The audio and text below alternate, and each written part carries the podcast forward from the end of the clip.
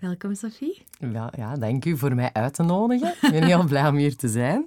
Met heel veel plezier. Um, wij kennen elkaar, denk ik, van in Braschaat van vroeger. Onze paden zijn geregeld wel eens gekruist. Ik ken je als een madame met veel kracht en energie. Heel, uh, heel aanwezig ook, maar op een heel goede manier. Op een leuke manier. Iemand dat, dat durft met zijn mening, zijn mening ook uitspreken. En uh, ja, als onderneemster van, uh, en eigenaresse van Kazai Setso, echt een keitof kledingmerk. Oh, dank u. maar om te starten, hoe gaat het met u? Goed eigenlijk. Ik ben zo een beetje terug, ik vergelijk dat vaak zo met seizoenen. Ik kom eigenlijk zo uit een hele donkere winter en het is zo terug lente en zomer. Dus het gaat ook zo mee met de seizoenen bij mij. Ik heb een, een vrij zware periode achter de rug. Um, ja, dat is eigenlijk zo begonnen. Vorig jaar um, is mijn hondje gestorven. Oh. En dat was, ja, ik had die 14 jaar, dus dat was echt wel zo... Allez, shook me op. Um, en sindsdien, dat is echt super raar, maar was zo precies het startschot van... Ja, nu kan er zo niet echt iets bij komen dat nog erger is. Ah ja, bring it on. Dat was zo precies op mijn werk, privé. Er is ook veel factoren dat ik dacht, maar wat voor een storm komt er hier op mijn pad?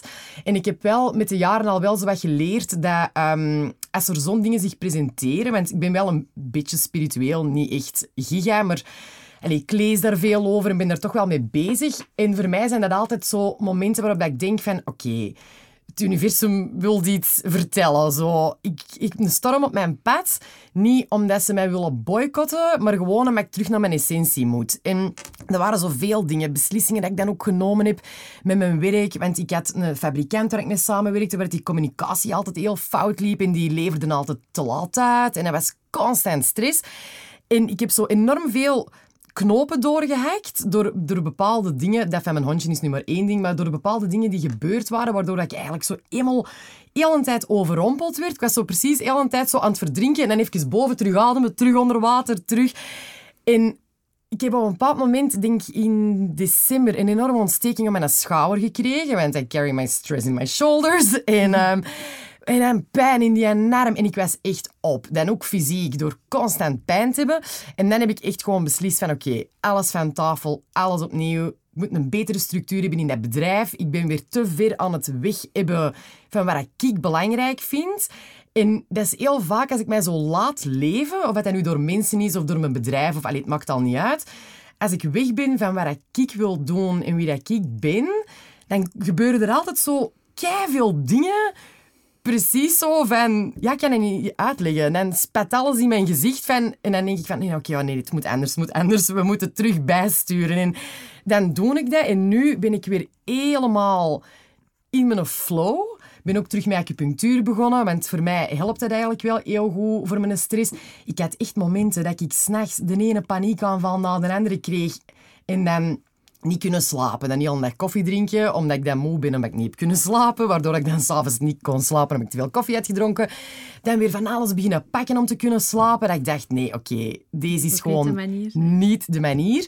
En nu heb ik echt zo... Ja, ik weet niet of dat echt puur door die acupunctuur is, maar ik geloof daar wel heel hard in, want het werkt bij mij wel. Ik slaap terug goed, ik heb mijn bedrijf terug onder controle, ben terug een leuke mama, want als ik dus helemaal overrompeld ben, dan ben ik zo de mama die roept tegen mijn kinderen dat ze niet mogen roepen. Zo, stop met roepen! En dan denk ik, oh, maar ik ben zelf eigenlijk heel de tijd all over the place. En dat brengt zo'n harmonie, want het is wel... Allee, bij ons toch, als ik oké ben, zijn we allemaal oké ik ben toch precies wel zo de hoofdradar in het uh, klokkenwerk. Dus um, ja, het is allemaal terug oké nu. Maar ik heb toch wel even een woelige periode achter de rug gehad. Je zegt uh, van... Uh, ik ben blij, eh, allereerst ben blij voor u dat het dan terug lente en zomer is. Dat is fijn. Um, je, je, zegt teruggaan naar je essentie, naar wat dat jij belangrijk vindt. Wat vind je dan belangrijk? Ha, ik vind het eigenlijk gewoon heel belangrijk om... Ja, hoe moet ik dat zeggen? Als ik nu antwoord van om te doen wat ik wil, dat klinkt dan zo heel egoïstisch, want het leven bestaat natuurlijk niet alleen maar uit doen wat je zelf wilt. Maar ik bedoel vooral, elk ding dat ik doe, wil ik gewoon dat ik mij daar oké en goed bij voel. En vanuit dat ik zo begin te voelen dat ik dat voor andere mensen aan het doen ben en dat ik daar zo zelf niks aan heb. En allez, ik ben verre van de pleaser of zo, maar ik kan dat wel soms een beetje hebben dat ik zo in automatische piloot geraak. En dan begin ik zo wat te slapbakken en dan begin ik uit te stellen en dan begin ik weer te eten en dan begin ik te verdikken en dan ben ik weer kwaad op mijn eigen dat ik dat weer niet onder controle heb. En ik kan zo heel rap in zo'n rompslomp geraken van ja, negatieve gevoelens. Allee, nu niet, nu niet extreem, maar zo wel van oh, het boeit niet en dan kan ik het zo allemaal wel laten schieten. En voor mij dan nu dat terug goed voelen wil echt zo zeggen van I'm, on top of it. Dus niet dat ik het allemaal onder controle heb. En er zijn altijd factoren die je niet onder controle hebt. Maar gewoon zo het gevoel van... Voilà, deze ben ik. Met mijn werk, dat is wat ik kan brengen. En dan kom ik eigenlijk dus op zo'n moment van lente en zomer waar ik nu in zit, eigenlijk echt wel zodanig in mijn kracht dat ik zoiets heb van, deze is wat ik breng, take it or leave it. En als ik daarin zit, dan werkt alles. Dat is super raar. Als ik thuis begin te luisteren naar feedback en ik begin zo dingen te doen die dat toch niet volledig mijn ding zijn, dan loopt alles fout. En elke keer als ik denk van, dat is wat ik wou doen, ja, als het dan fout loopt, ja, dan stuur ik daar wel wat bij. Of ja, dat is een heel speciaal gevoel. Dat ik niet echt een naam kan opplakken. Maar gewoon, ja, hoe dichter dat ik bij mijn eigen sta in alles, hoe meer dat alles wat ik wil zich ook manifesteert. Nice. Ja. Dat is leuk, hè? Iemand heeft mij ooit gezegd ehm, dat de moeilijke momenten in ons leven, dat dat eigenlijk wegwijzers zijn om terug meer naar de essentie van jezelf, om je eigen beter te leren kennen. Echt wel. Ik vind dat ook wel echt heel ja. hard. Ja, allee, het is super mooi, maar tegelijkertijd ook uh, kei zwaar. Ja, kei moeilijk. En dan is het vooral heel belangrijk dat als die stormen dus komen, dat je gewoon weet van oké, ik zit op een boot, ik kan ermee varen, ik weet naar ik naartoe wil er is even een storm, been there, done that. De deze zal ook wel lukken. En dat je zo niet direct, oh nee, zeilen naar beneden, ik ga niet met een kajuit zitten en oh nee, wat gaat er nu gebeuren? Ik wil niet dat dingen controle nemen over mij. En daar heb ik ook wel heel veel chance, allez, chance, ik denk dat dat ook gewoon een samenloop van omstandigheden is. Ik heb een heel interessant netwerk van vrienden en vriendinnen. Ik heb ook een heel interessante partner, die dat, wij zijn zowel wat yin en yang, maar we willen wel hetzelfde, maar we bereiken het op andere manieren. Maar dat stuurt ook enorm bij. Want op zo'n momenten is het ook heel belangrijk dat je, ja, dat je echt wel een netwerk hebt. Want er is niks zo erg, denk ik, dat als je echt met iets zit, dat je dat met niemand kunt resoneren. Als je echt zo zegt van, oh, dat en dat en dat, en gewoon is van, maar echt, och, zot. En dan denk ik, ja, pff, allez, wat heb je daar nu aan? Ja, och, zot, ja, het is inderdaad zot. Maar ik heb dat heel graag, dat mensen echt gewoon zeggen van, ofwel, ik zou dat zo doen, Ofwel is echt luisteren, dat je gewoon je ijs kwijt kunt. Want soms is het ook gewoon daar. Want als je soms luid op je problemen in je ijs vertelt, dan hoorde de antwoorden eigenlijk al. Terwijl je dan aan het vertellen bent. En plus ook zo, gewoon, ja, dat is echt heel stom en heel Antwerps, maar zijn nou kalm. Dan heb ik zo vaak, ik denk van... Oh, allee, doe nu gewoon een stap terug. Bekijk het nu even. De helft van de dingen waar je ligt over te panikeren, kun je toch niet controleren. Dus doe gewoon doe het gewoon. En dan zullen we wel zien. En, en allez, wel voorbereid natuurlijk. Niet zomaar van, we gaan niet eender wat doen. Dat nu niet. Maar ik denk, als je voorbereid bent en als je weet wat je wilt doen... En plus, ik doe nu even over mijn bedrijf dan, dat al zes jaar... Oké, er verandert wel eens een beetje een proces en er zijn wel kleine veranderingen, maar de bottom line blijft wel altijd hetzelfde. Dus ik heb zoiets van... Ja, dat is zo van de boer ploegt voort. Hè. Als je gewoon voortoe en niet stopt en af en toe bijstuurt, ja, tenzij dat je dan met een volledig fout concept bezig bent, dan kan dat misschien wel fout lopen, maar in mijn geval werkt dat toch altijd wel op die manier. Nice. Ehm, je praat over een netwerk. Is uw netwerk in de afgelopen jaren uh, heel hard veranderd? Of zijn dat mensen die dat er al lang... Uh... Ik heb eigenlijk een, een, een vrij... Allez, zo echt wel een evenwicht in die mengeling daarin. Ik heb heel veel vriendinnen en vrienden echt nog van vroeger. Uh, wat ik ook wel heel belangrijk vind. Want hoe ouder dat je wordt, dan gaat het echt zo meer... Maar dat is eigenlijk bekend zo'n selectieronde. Hè? Van, ah ja, we hebben dat gemeenschappelijk en ah, die heeft ook kinderen, die heeft ook een bedrijf. En dat is meer bekend zo'n checklist. Gelijk, denk ik, als je zo whatever, moet gewoon daten en je moet een selectie maken van dat is een interessant profiel of dat is geen interessant profiel. Zo denk ik dan. Maar de mensen dat je kent van vroeger, dat is echt gewoon je essentie. Want vroeger was er niet van, ja, ik ben eigenlijk stom, maar ik ben cool op Instagram. Nee, het was gewoon, ja, het was gewoon, dat is wie dat je zei. Je waart in de klas, je had, je had een babbelkous, je had een seut, je had een, een plezante, je had een... Allee, je, je had zo dat is gewoon uw dynamiek en uw ding. En ik vind wel heel tof om dan te zien, die mensen dat ik dan al zo 25 jaar ken of zo, ik zo denk van, ja, oké, je bent wel geëvolueerd, want ja, dat is onvermijdelijk. Maar toch zie ik dat kind nog. Hè? En dat is toch onze verbinding, dat ik toch nog altijd wel altijd meer waarde aan hecht dan mensen die ik op latere leeftijd heb leren kennen. Die zijn misschien interessanter voor wat ik nodig heb op die moment, maar die zijn niet per se zo verwoven met mij. Ja, ja, dat is Ja. een heel andere... Ja, maar die interpreteren nu ook anders. Die hebben ook uw evolutie niet gezien. Die... Ja, ik vind toch als je mensen kent van kind af aan, dat is toch wel echt een bonus. Ja, ja zeker, eh, zeker leuk. Absoluut. Ehm, mijn, ik, ik was daar zit zo, we hebben er nog maar weinig over gezegd. Je, hebt- je hebt... ehm, eh, dat is een kledingmerk voor jongeren, Ja. voor kinderen. Fantastisch, met kei leuke quotes. Met een zo'n eh, zo'n happy human, eh, Ja. super tof. eh, Of my heart says yes, but my mom says Ja. no. Love it. Ehm, mijn vorige gast, Tom Arts. Ik vraag altijd aan mijn gasten op het einde van de podcast, wat is de vraag voor de volgende gast? Je weet niet wie dat, dat is. Ah, oei, spannend. Ja, maar wat leuk was, hij vroeg zich af hoe dat je creatief blijft. Ha, ik blijf eigenlijk creatief. Ha, ik, ben, ik ben een heel, heel ehm, zo gevoelige persoon. Gevoelig aan prikkels, gevoelig aan dingen. Ik zie en hoor alles. Dat is ergens ook een mega valkuil. Want dat zorgt er ook voor dat ik ook altijd 2000 tabs open heb staan. eh, die ik dan soms ook niet echt kan kanaliseren. En dat kan mij soms ook wel overprikkelen. Maar ik ben echt iemand muziek, kunst, architectuur, dingen dat mensen zeggen, dingen dat mensen aan hebben. Ehm, ik absorbeer enorm veel. En dan voor mijn kindermerk probeer ik dat dan te mengelen. Dus ja, ik maak er dan enorm veel moodboards van. Elk ding dat ik denk, schrijf ik. Dus ik heb lijsten met teksten, met dingen dat ik tof vind, dingen dat ik leuk vind. Ik heb ook massa's mappen met allemaal beeldmateriaal, dingen dat ik zie, allee, dat mij visueel dan prikkelen. En dan probeer ik dat eigenlijk te mengen met terug te gaan naar mijn kind. Ik ben enorm verbonden met mijn kind. En mensen kunnen daarnaar refereren als dat dat misschien kinderachtig is, maar ik vind dat dus totaal niet. Want ik vind dat er heel veel dingen zijn die wij als volwassenen zo moesten unlearnen. En ik heb dat zo niet. Bijvoorbeeld dat impulsief zijn. Ik weet dat heel veel mensen... Ja, ik kan ook niet iedereen zijn een kop of thee zijn. Hè. Ik ben dan liever een shot of vodka dan, dan een tasje thee. Maar ik heb echt zoiets... Nee, ik wil daar gewoon dichtbij blijven. Als ik iets niet leuk vind, en vind ik dat niet leuk. En dan moet ik soms echt bij mezelf zo... Oké, reageert daar dan niet te kinderachtig op? Want als ik dat niet leuk vind, dan heb ik echt zoiets... Oké, all toys out of the pram. Ik vind dat niet leuk. Ik doe daar niet aan mee.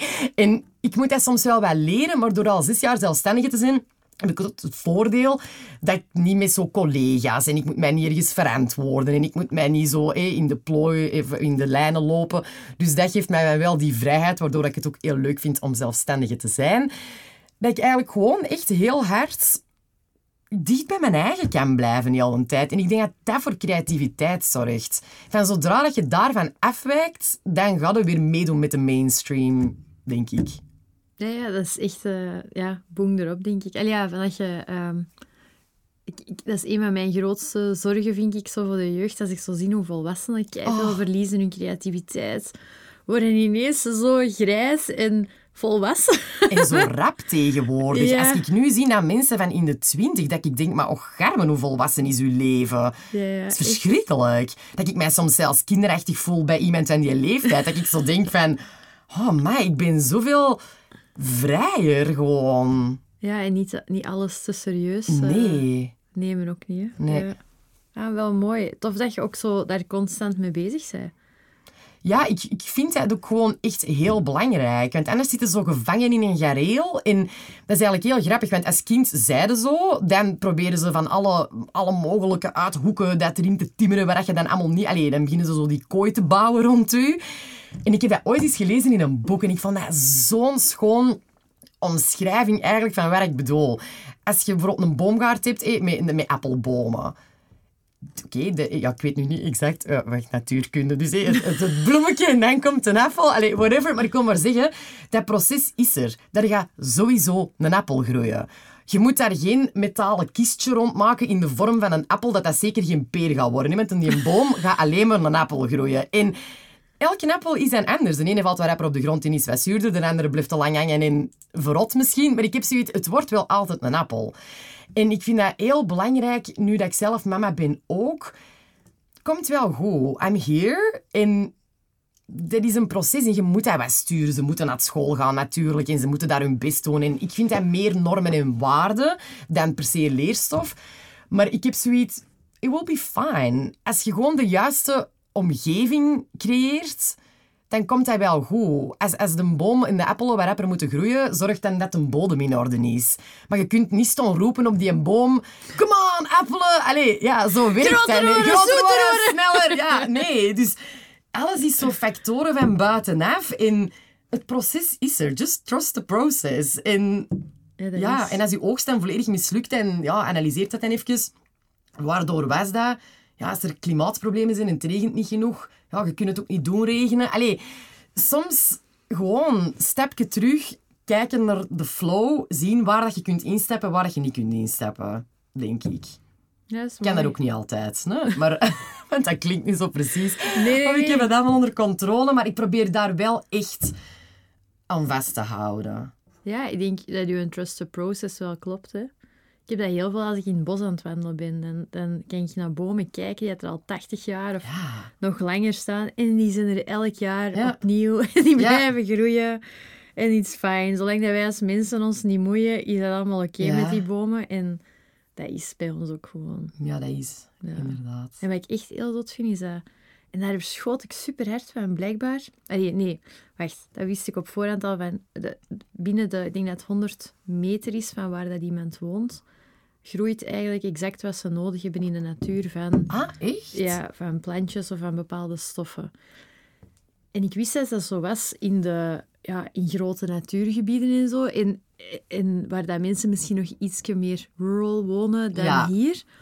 Maar het is tot mijn eh, dingen gekomen dat dat dus blijkbaar in de stad even goed is. Je ziet bijvoorbeeld heel veel paardenbloemen Ja? in de buurt. Ehm, dat is blijkbaar supergoed voor je lever. En wij hebben als mens heel veel op onze lever liggen in deze maatschappij, wat wij doen. Ehm, brandnetel, noem maar op. dat zit er ook heel veel. Dat is ook allemaal heel goed. Dat is oké. Nu wandel ik door de brand hier in Antwerpen op een heel andere manier. Ja, dat zal wel. Ja. Niet meer eikels te eten en zo. zo oh ja, oké. Nee, nee, maar ja, ik snap wel wat je bedoelt. Dat is eigenlijk, hè? Ja, mijn beste vriendin die doet echt aan wildpluk. Hè. Die, die kan een hele uitleg geven over wat dat je Maar dat is wanneer... allemaal zo interessant. Ik heb een vriendin van mij en die heeft zo... En nu zijn we wel keihard aan het afwijken, maar die heeft zo ehm, bijenkasten. Hè? Ah, graag. En eh, blijkbaar, ik heb enorm veel last van allergieën en zo, maar blijkbaar dus de bijen, als die ehm, honing maken van dus hetgeen dat dus in uw buurt eh, is, want ja, die vliegen ook geen eh, honderden kilometers, dus die, die pakken dan eh, hun... hun, ja, hun pollen of... Allee, oh, nu ben ik hier weer met mijn natuurkunde. Allee, bon, voor die een honing te maken. Als je dan die honing eet, dat dat dus goed is om eh anti-allergenen op te bouwen. Ah, Dus dat is eigenlijk ook wel zo'n beetje ja, dat is dat. in die trend. Ja, en hij- ja, ik heb ook overlaatst macrobiotiek gevolgd, een les voor te koken. Van Viviane van Dijk was echt epic. En die was dat ook aan het uitleggen als bijvoorbeeld groentjes, hetzelfde verhaal, kunnen groeien in, de, in een winterse grond. Dan bouwen die kracht op om tegen die winter te kunnen. En om tegen die, die vorst te Ah, kunnen. En dat zorgt dan voor je eigen immuniteit Voilà. uiteindelijk. En dat- ja. dus dat laagje dat die creëren, dat geven die eigenlijk door als jij dat eet. ja, Dus- maar dat is allemaal zo verbonden. Hè? Dat is gelijk bij Avatar. Ewa. Ja. De grote boom van de wijsheid. Ja, maar ja, het is wel zo. Ja, ik denk dat we dat soms een beetje onderschatten. Alleen nu zijn we de metaverses aan het bouwen, Ja. terwijl dat we deze universum nog niet Ja. snappen. Maar bon. Inderdaad. Ehm, uw ondernemersverhaal, eh Sophie, je, bent echt uw droom, denk ik, achterna Ja. gevolgd ook. Ehm had je ervoor al ervaring als ondernemer? Of? Nee. Ehm, ik ben altijd wel zo'n kind geweest dat enorm ondernemend was. Genre van, als ik dan een bloemenwinkel had, had ik echt wel de strafste bloemenwinkel. Allee, zo. En ik was ook altijd zo van, als we er dan ook nog armbanden verkopen, dan hebben we nog meer. En allee, zo. Ik heb ook altijd wel zo thuis heel veel winkeltje gespeeld. En niet zo gewoon met plastieke fruit en groenten, maar echt zo met dingen. En dan, eh, als ik dan veel boeken had, dan deed ik bibliotheken. En moest mijn mama boeken lenen. En dan had ik allemaal fiches in een bak. En allee, ik, ik heb dat altijd wel heel plezant gevonden om zo businessjes te hebben. Zo. Dus dat heeft altijd wel zo wat in mij gezeten. Eh, dan door het feit dat ik ehm, ja, wel goed kan praten en energie kan overbrengen en zo, ben ik dan eigenlijk een beetje tegen mijn aard in, maar ik zie dat dan een beetje als een leerproces, eh, ben ik in de sales terechtgekomen. Ja, dat heb ik dan tien jaar gedaan, totdat ik echt op een punt zat dat ik bekend elke dag ontwenen was uh, van, ja, ik ben eigenlijk gewoon echt doodongelukkig, want ik ben geen salespersoon ik kan mijn gevoel verkopen, ik kan mijn vibe, alleen zo dat, maar zo als dat een product is of een ding is waar ik niet meer resoneer, of als dat niet mijn ding is, of er zijn weer te veel regeltjes waar ik mijn eigen niet in vind en zo, dan komt dus weer zo mijn inner child naar boven van oh nee, dat is niet wat ik wil. En dan kan ik wel zo alles echt omvergooien. En met ouder te worden heb ik wel al volwassenere manieren geleerd om het dus omver te gooien. Maar ik heb vijf jaar bijvoorbeeld in Ierland gewoond. Uh, mijn man is Iers. En um, daar ben ik eigenlijk zo aan mijn um, ja, carrière of jobpad uh, begonnen. Uh, en dan ook zo in de verkoop. Um, eerst zo echt aan zo'n counter in een... ja, je hebt dat hier in België zo niet, maar vergelijkbaar met een... een zo'n Harrods of een Bijenkorf. Dat is zo hetgeen dat daar dichtst bij komt in Ierland. Ja, ah, wel. We hebben daar dan zo'n zwak afkooksel van. Maar Ja, ja. Dus dat, maar dan dus more glamorous. En daar ben ik dan beginnen werken, echt aan zo'n toog. Ja, dat was totaal mijn ding niet, want ik kan niet... dat kan ik mij inbeelden. Oh, nee. ja, ik want- denk dat ik u dat ervoor al had kunnen vertellen. Ja, maar omdat ik daar dan juist woon, dan had ik zoiets van, oké, er werken veel jonge mensen. Als ik daar ga werken, kon ik wat volk leren kennen. En, allee, als- ik was er eigenlijk meer voor de sfeer en gezelligheid. Maar los van eh, dat, was dat echt mijn ding zo heel een tijd met die klanten. Hè. Ik kan dat niet. Oh, als mensen, dan denk ik... Dan denk ik zo, oh nee, zo hospitality of dingen. Nee, ik ben heel blij nu dat ik gewoon op mijn bureau, niemand moet mij zien. Het is gewoon achter die webshop zo. Ik kan dat niet. Ik kan me engageren met dingen dat ik leuk vind, met mensen dat ik leuk vind. Als er iets op mijn pad komt, dat ik echt zoiets heb van, oh, deze geloof ik niet. Ik kan zelfs niet alsof doen. Dat ik dat, dus ik heb dat echt gewoon niet in mij. Dus dat was het niet. Dan ben ik eh, begonnen bij, een, bij dingen bij Bestseller eh, in Ierland. Dus dat was echt wel zo fast selling, fast fashion. Die tijd, ik heb er wel heel veel geleerd. Maar na een jaar had ik ook zoiets van... Ja, dat was zo wel heel de tijd zo verkoop, verkoop, verkoop. Pff, Niks echt creatief. En je waart daar ook gewoon een klein deeltje. Dus je wist niks van de andere facetten. Het was gewoon, dat is je collectie. Dan moet iedereen bellen. En zien dat je dat verkoopt. En waarom hebben die dat niet gekocht? Ja, weet ik veel. Weet je? Dus dat was voor mij ook weer het ding dat ik besefte van... Ik ben dus blijkbaar geen verkoper. Want als die dat niet moeten hebben, ja, dan... Ze ze wouden het niet niet, hè. Ja, allee, wat moet ik dan blijven pushen? Ja, ik denk toch dat je het wel wilt. Allee, dat is die hun eigen winkel die mogen dan zelf wel beslissen wat die dan in die winkel doen, denk ik dan. Maar dat was zo niet de... Allee, dat, dat, dat wouden ze daar niet. Je moest echt zo pushen. En ik ben geen pusher. En dan ben ik in een heel klein familiebedrijfje beginnen werken, waardoor ik heel veel geleerd heb over hoe het wel moet, hoe het niet moet, omdat ik daar echt zo elk onderdeel zag. Ehm, Ook in de mode? ja, ook in de mode. En eh, dat was wel echt heel leuk. Daar heb ik twee jaar gewerkt. En dan ben ik daar dan ook gestopt. En dan, want dat wou ik eigenlijk vertellen, dan ben ik, eh, had ik mij ingeschreven in zo'n een of ander interimbureau. Ik vergeet dat nooit. Dat noemde Office Angels. Ja, zo'n hele vreemde naam wel. dat was geen escortbureau. Maar dat was echt zo, oké, dus ik had mij erin geschreven. Oké, ze bellen mij. Ah, en dan moesten ze zo, eh, zo invullingen gaan doen. En dat was zo bij Royal Sun Alliance of zo, zo'n verzekeringskantoor. Ik kwam daartoe, dat was zo'n giga-Amerikaanse structuur. En dat begon al zo, hello, uh, I'm your buddy. En uh, ik had zoiets, oh nee, een buddy. Zeg, die gaat hier toch niet heel de tijd in mijn nek... Allee, ik heb dat niet graag. Allee, maar bon, moest natuurlijk wel opgeleid worden. Moest ik daar zo met een headset heel een dag naast zitten. Het was dan middag, allee, heel een dag, dus ik heb dat dan twee uur gedaan. Dan was het 's middags middageten. Ik ga naar die refter, want dat was echt een refter, zo ook onder de grond. Geen ramen, alleen teellampen en dan zo een buffet dat ik dacht, oké, zo precies van de Sovjets of zo. Allee, dat was echt niet te doen.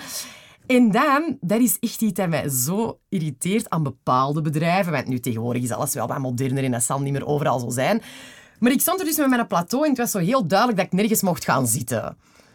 En ik had echt zoiets, maar mannetjes, ik wil zelfs niet bij jullie horen. Allee, zo, ja, maar toch wou ik wel ergens gaan zitten. Dus dat is echt zo een ding.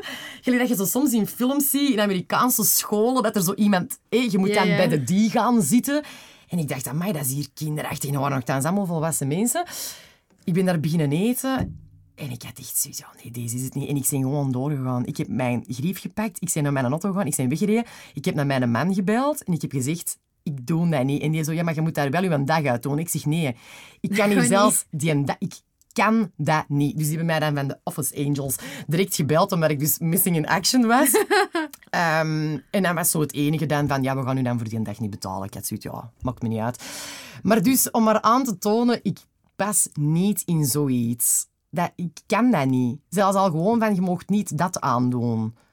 Dan denk ik zo, ah ja, nee, dan wil ik hier niet werken. Nee. Of zo, ah ja, het is een kei toffe job, maar het is wel in Brussel. Dan denk ik, ja, nee, ik kan niet altijd in die file zitten. Ik doe dat niet. En dat is heel beperkend. En dat is ook niet voor iedereen weggelegd. Ik weet dat wel, want je moet soms wel engageren als je echt zo een bepaalde carrière wilt of dit of dat. Maar mijn ambitie is niet dat. Mijn ambitie is gewoon... Irriteert me vooral niet te veel. En ik wil gewoon... Gewoon Mijn doen. ambities irriteerde jij mij vooral. ja, dat is eigenlijk mijn ambitie voor u. Nee, maar ik wil maar gewoon zeggen, ik, ik, dat is voor mij happiness. Dat is voor mij succes. Voor mij is succes elke dag het gevoel hebben van... Ik ben toch in heel grote lijnen aan het doen wat ik wil doen. En wat ik goed kan en wat dat natuurlijk voelt voor mij. Dat is mooi. Ik denk dat dat een heel mooie omschrijving is van succes. Ja, dat is niet altijd het gemakkelijkste pad. Maar ehm, ja, maar dat wordt heel vaak geassocieerd met dingen. Hè. Dat wordt geassocieerd met selfish zijn. Dat wordt geassocieerd met arrogant zijn. Dat wordt eh, geassocieerd misschien met van... Ja, maar ja, jij hebt gemakkelijk praten, want... En dan denk ik, ja, oké, maar ik ben ook niet met I Said zo begonnen met dan zo de gouden wikkel, dat dat sowieso ging lukken. Hè.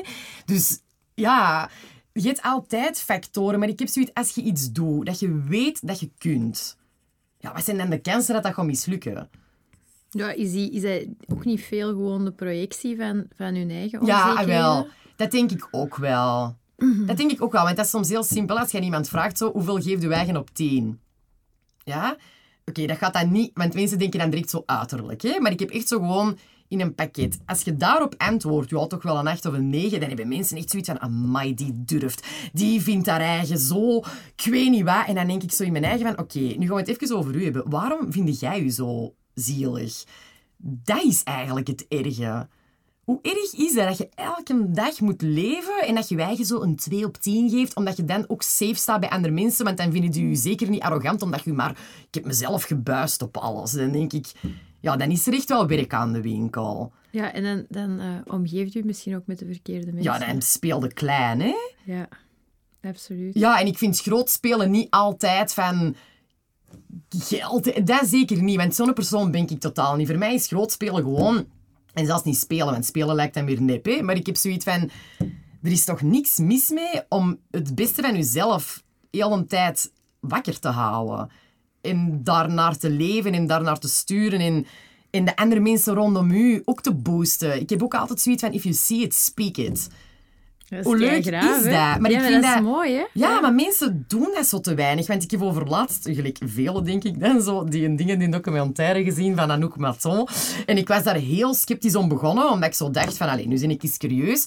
Maar ik vond eigenlijk wel, los van alle vooroordelen dat je kunt hebben, hoe dat die eruit ziet, waar dat die haar leven is, en maakt niet uit. Want dat is alleen maar wat wij zien. Dat is wat dat zij beslist dat wij mogen zien.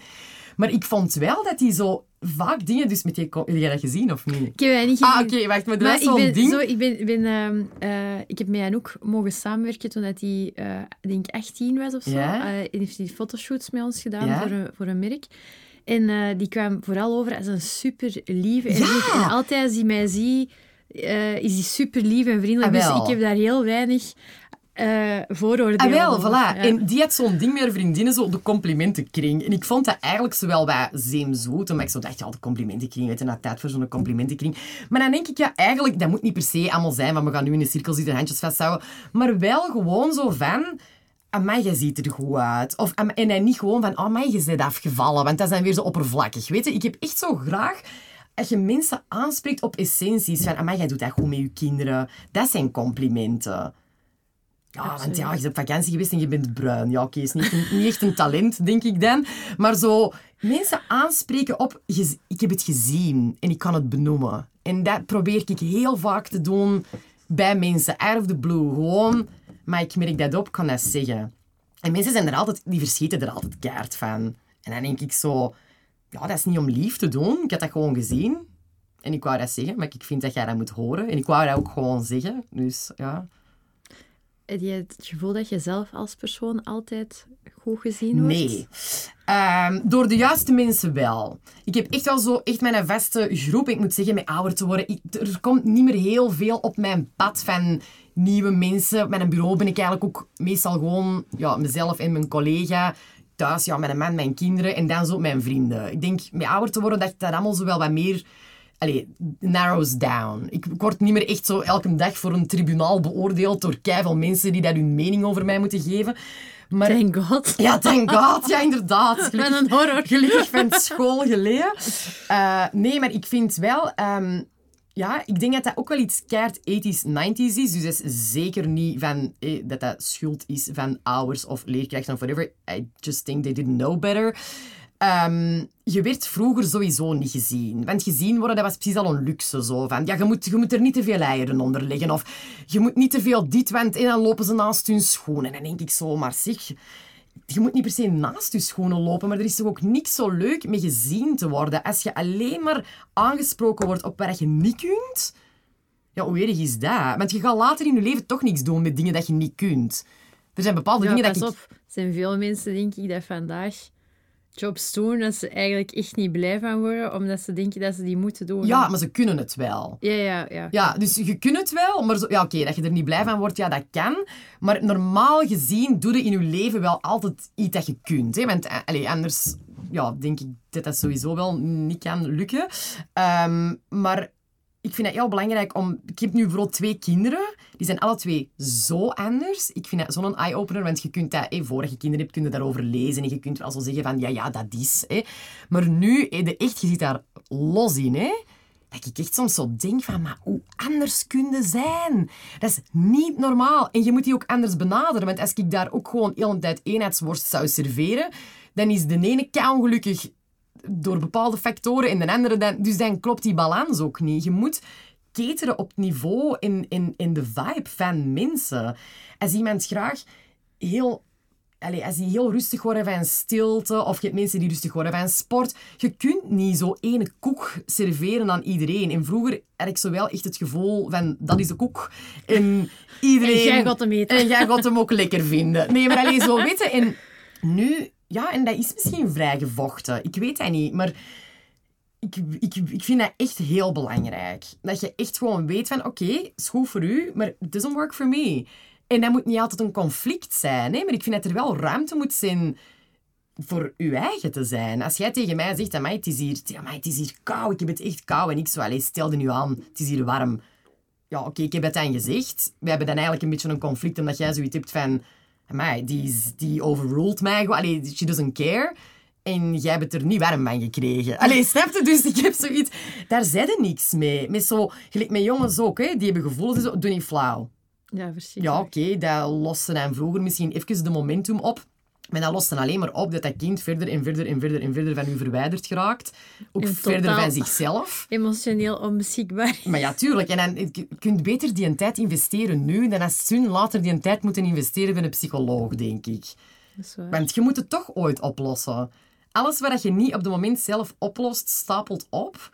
En ofwel je dan mensen die, die volledig van het padje gaan en, en, en, omdat, die zich niet, omdat die zich niet kennen en niet voelen. En die hebben dan echt begeleiding nodig. En, allee, waar dan ook niks mis mee is, want ik vind het ook sowieso interessant om je te laten begeleiden. Maar ik wil maar zeggen, die gaan dan echt zo de dieperik in. Ofwel gaat er constant die emotie aan. En ik vind dat heel belangrijk. Dat irriteert mij. Waarom? Hoe komt dat? Wat kan ik... Gaat die factor zichzelf veranderen of niet? Nee, onveranderlijke factor. Hoe kan ik mij aanpassen dat ik er wel mee om kan? Of, snap je wat ik bedoel? Zo, ehm, En wat is er nodig voor u om u gezien te voelen? Eh, voor mij om gezien te worden... En wel, hè, ik word heel vaak ehm, verkeerd geïnterpreteerd. Ja, ik weet het, ik babbel veel. Ja, ik ben aanwezig. Ja, ik ben een enthousiaste, waardoor dat ik veel ruimte inneem. Zalig. Maar ik heb ook vaak zo het dingen van, ja, oké, maar als er dan mensen zijn dat daar een probleem mee hebben, dan denk ik, ja, oké, maar jij liet mij ook direct die ruimte innemen, want jij cijferde nu eigen direct weg. Ik ben hier niet toegekomen en ik heb niet gezegd dat jullie niet mochten praten. Hè? Jullie hebben allemaal besloten om ineens niet meer te praten en alleen nog te luisteren. ja, daar kan ik dan ook niks aan doen, snap je? Dus, en dat is voor mij zo, ik word vaak fout gezien, omdat ik, ik ben zo'n ja, allee, ik, ik wil echt het beste voor u. Ik ben zo'n gevoelige. En als ik gevoelig zeg, dan bedoel ik niet dat ik de hele tijd zo emotioneel... En, nee, maar gewoon, ik, ik, ik vibe echt. En ik wil u daarin meetrekken. En ik wil naar u luisteren. En ik, wil, en ik ben echt een, een vriendin die zo de volle 200% er wilt zijn. Maar als gevolg ja, dat ik dan ook niet dat voor heel veel mensen kan doen. Want ja, ik heb ook maar mijn eigen ja, ja waar ik kan geven. Ik kan dat niet tot in het oneindige doen. Maar als dan mensen dat verkeerd interpreteren, zo van... Ja, die denkt wel van haar eigen dit, of die is wel arrogant, of die is wel... Allee, zo de typische dingen, dat zo bij... Ja, die voelt haar eigen wel zelfzeker. En dan denk ik, maar zelfzeker, ik heb ook onzekerheden. Maar moet ik mij heel de tijd profileren gebaseerd op mijn onzekerheden? Allee, zouden nogal triestige dagen zijn. Allee, dus je probeert toch altijd gewoon... Ja, ik ben wel zo. Van, oké, nieuwe dag. En bring it on. Hè. Ja, en dan zijn er eens goede dagen en slechte dagen. Maar body een dag eindigt ook altijd en er begint er altijd terug een nieuwe. Dus ja, dat is voor mij echt wel gezien worden. Zo complimenten krijgen op dingen die dat echt belangrijk zijn. Ik doe zo mijn best om een goede mama te zijn. Ik doe zo mijn best om er te zijn voor u als vriendin. Ik doe keihard mijn best voor mijn bedrijf. En als mensen dan alleen maar zo dat tipje ervan zien van, maar in haar leven gaat alles wel gemakkelijk. Dan denk ik zo, ja nee, maar ik moet toch ook niet van morgens tot s avonds om de klok hangen waar mijn struggles zijn. Want als ik daar de hele tijd zelf te veel op focus, om u plezier te doen, omdat jij dan ook het gevoel hebt van, ah ja, er zijn ook barsten, dan denk ik, ja tuurlijk zijn er barsten. Iedereen heeft barsten. En er moet ruimte zijn om daarover te kunnen praten, maar op bepaalde momenten ook. Ik vind het heel belangrijk als ik bijvoorbeeld met mijn vriendinnen ga eten, om het dan die avond echt leuk te hebben, dat wij achteraf in onze auto stappen van, amai, terug veel energie, wat voor topvriendinnen heb ik eigenlijk, of wat voor een leuke avond was dat. Maar er moeten ook momenten zijn dat je echt de telefoon kunt pakken of one-on-one kunt afspreken en dat je echt moet kunnen zeggen van, wow, amai, het is even allemaal zo... Uh, maar ik vind dat je je moment daarvoor moet uitkiezen. Niet op een leuke avond en zo... Ja, ik ben dan nu het anker aan de boot en we gaan nu alleen maar ja, want die, iedereen komt met een bepaalde verwachting. En ik vind, als het leuk moet zijn, hou het dan leuk. En als het is niet leuk is, dan kies die moment voor full-on niet leuk te zijn. ja, ik vind, dat, ik vind dat belangrijk, dat er toch een beetje een evenwicht in is. Want anders gaat je eten en als iedereen dan een uur zaagt, dan zijn we drie uur verder, is iedereen volledig leeggezogen. Ja, je hebt ook wel je ei kwijt, maar je hebt dan al die andere eieren ook moeten binnenpakken, waardoor dat je eigenlijk geen energie niet meer hebt. Dus zo waakzaam zijn over je energie vind ik ook wel heel belangrijk. Dat vind ik mooi. Er zei iemand over laatst... Uh, heb jij nu de emotionele capaciteit om hier even mee naar te luisteren? Denk je zo, wow. Ja. dat is fucking powerful dat je dat kunt zeggen, want ik had dat op die moment, dus dat is goed, maar ik heb ook al momenten gehad dat ik dat, dat niet heb. Ja. En dan zou het soms echt wel fijn zijn, moest iemand dat even vragen voordat je effectief uh, Echt? De, de dump krijgt van de emotionele dump van wat er aan het gebeuren is. Wat dat trouwens, allee, altijd mag je niks, niks Ja, en dat, dat, is ook waar haar vriendschap ook wel definieert, vind ik. Want het is natuurlijk... Weet je, iedereen heeft zijn struggles. En de ene kan stress krijgen van dingen dat je denkt van... Allee, dat je daar nu stress van krijgt. En daarna, iedereen krijgt van andere dingen de terugslag. Hè? Dus dat is ook heel belangrijk, denk ik... Um, om dat te zien. Dat is weer dat gezien zijn en gezien worden. En helemaal je eigen mogen zijn. Ja, ik vind dat. Hoe vaak dat ik dat bij mensen zo hoor, dat ik zo denk van, ah ja, die zijn ongelukkig. En dan vraag ik altijd direct, waar word jij gelukkig van? Kunnen daar niet op antwoorden. En dan denk ik, oké, raar. Ik vind dat wel heel belangrijk huiswerk, dat je zo toch wel af en toe eens even de moment neemt om zoiets na te denken, waar word ik gelukkig van? En ik had dat over laatst met een vriendin van mij, die heeft een burn-out gehad en allez, even heel diep gegaan. En die zei, weet je waar ik mij echt heel goed van voel? En dan zijn al mijn zorgen en dan voel ik mij zo goed. Die zeilt, allez, vroeger altijd keihard gezeild, op een boot zeilen. Dus ik vraag, wanneer is de laatste keer dat je op een boot hebt gezeild? Kan ik mij eigenlijk niet herinneren. Dus dan heb ik echt zoiets, wel, voilà, simpel hè. Je moet gewoon zeilen hè. Allee, niet dat dat dan ineens al je problemen oplost, maar soms moeten zo iets doen dat u terugbrengt naar uw eigen en dan zie je alles ook En helderder. naar je kindje ook, hè? Ja, dat is uw kind terug. Dat is eigenlijk ook, als je dat heel simpel vergelijkt, hè, als je thuis de schaar zoekt, hè, dan vind je de schaar niet. Als je de schaar niet meer zoekt, ligt die vlak voor je neus. Dus, en dat, ja, maar dat is kei vaak. Je moet ervan weg. Je moet weg. Mensen die zo zeggen van, ja, maar ja, dat is wel gemakkelijk, hè, want jij kunt doen wat jij wilt doen, maar ik weet niet wat ik wil doen. Ja, door aan een bureau te gaan zitten nadenken en stressen over van ik moet weten wat ik wil doen, ik moet weten wat ik wil doen, ja, dat ga je niet weten. It hits you als je iets totaal anders aan het doen bent. Allee, bij mij is dat toch. Ja, ja. Ik krijg altijd mijn inzichten als ik zo niks aan het doen ben. Daarom ook heel belangrijk om af en toe eens echt niks te doen. Oh, die snotstaat, wandel eens waar rond, gewoon verstand op nul. En, allee, voordat je het weet, zie je inspiratie. Als ik zou zeggen van, ah, ik moet inspiratie hebben, oké, ik ga naar een museum en kom aan, kom aan, ik moet iets... Ja, dan krijg ik stress van die inspiratie. Terwijl als je gewoon dat loslaat, dan komt dat. Ja, absoluut. Absoluut. Ik, eh, ik ga heel graag wandelen. Ik probeer dat echt veel te doen, ondanks dat mensen dan zo zeggen van, hey, kun jij een uur gaan wandelen op een dag? Ja, want dat brengt mijn klanten ook gewoon op dat ik dat doe. Ja. Omdat je vanuit rust veel meer eh, gedaan krijgt. Dat is, dat is zo de andere dimensie. Hè? Dat is zo precies of je kunt zo eens naar je eigen kijken dan. Ja, effectief. En dat creëert ja, ruimte, hè. Ja. Wel, pff, ruimte. Zalig. Ehm, wat zijn voor u zo de belangrijkste kantelpunten geweest in uw leven? Ehm, ha, ik heb... Ja, als kind zo de, de, de typische dingen zijn, daar ga ik nu niet hard eh, over uitweiden. Mijn, eh, mijn move naar Ierland was wel een kantelpunt. Want ehm, ik was echt wel een beetje zo mijn, mijn pad kwijt in Antwerpen. Ik was toen, hoe oud was ik toen? 22 of 23. En het was zo allemaal zo...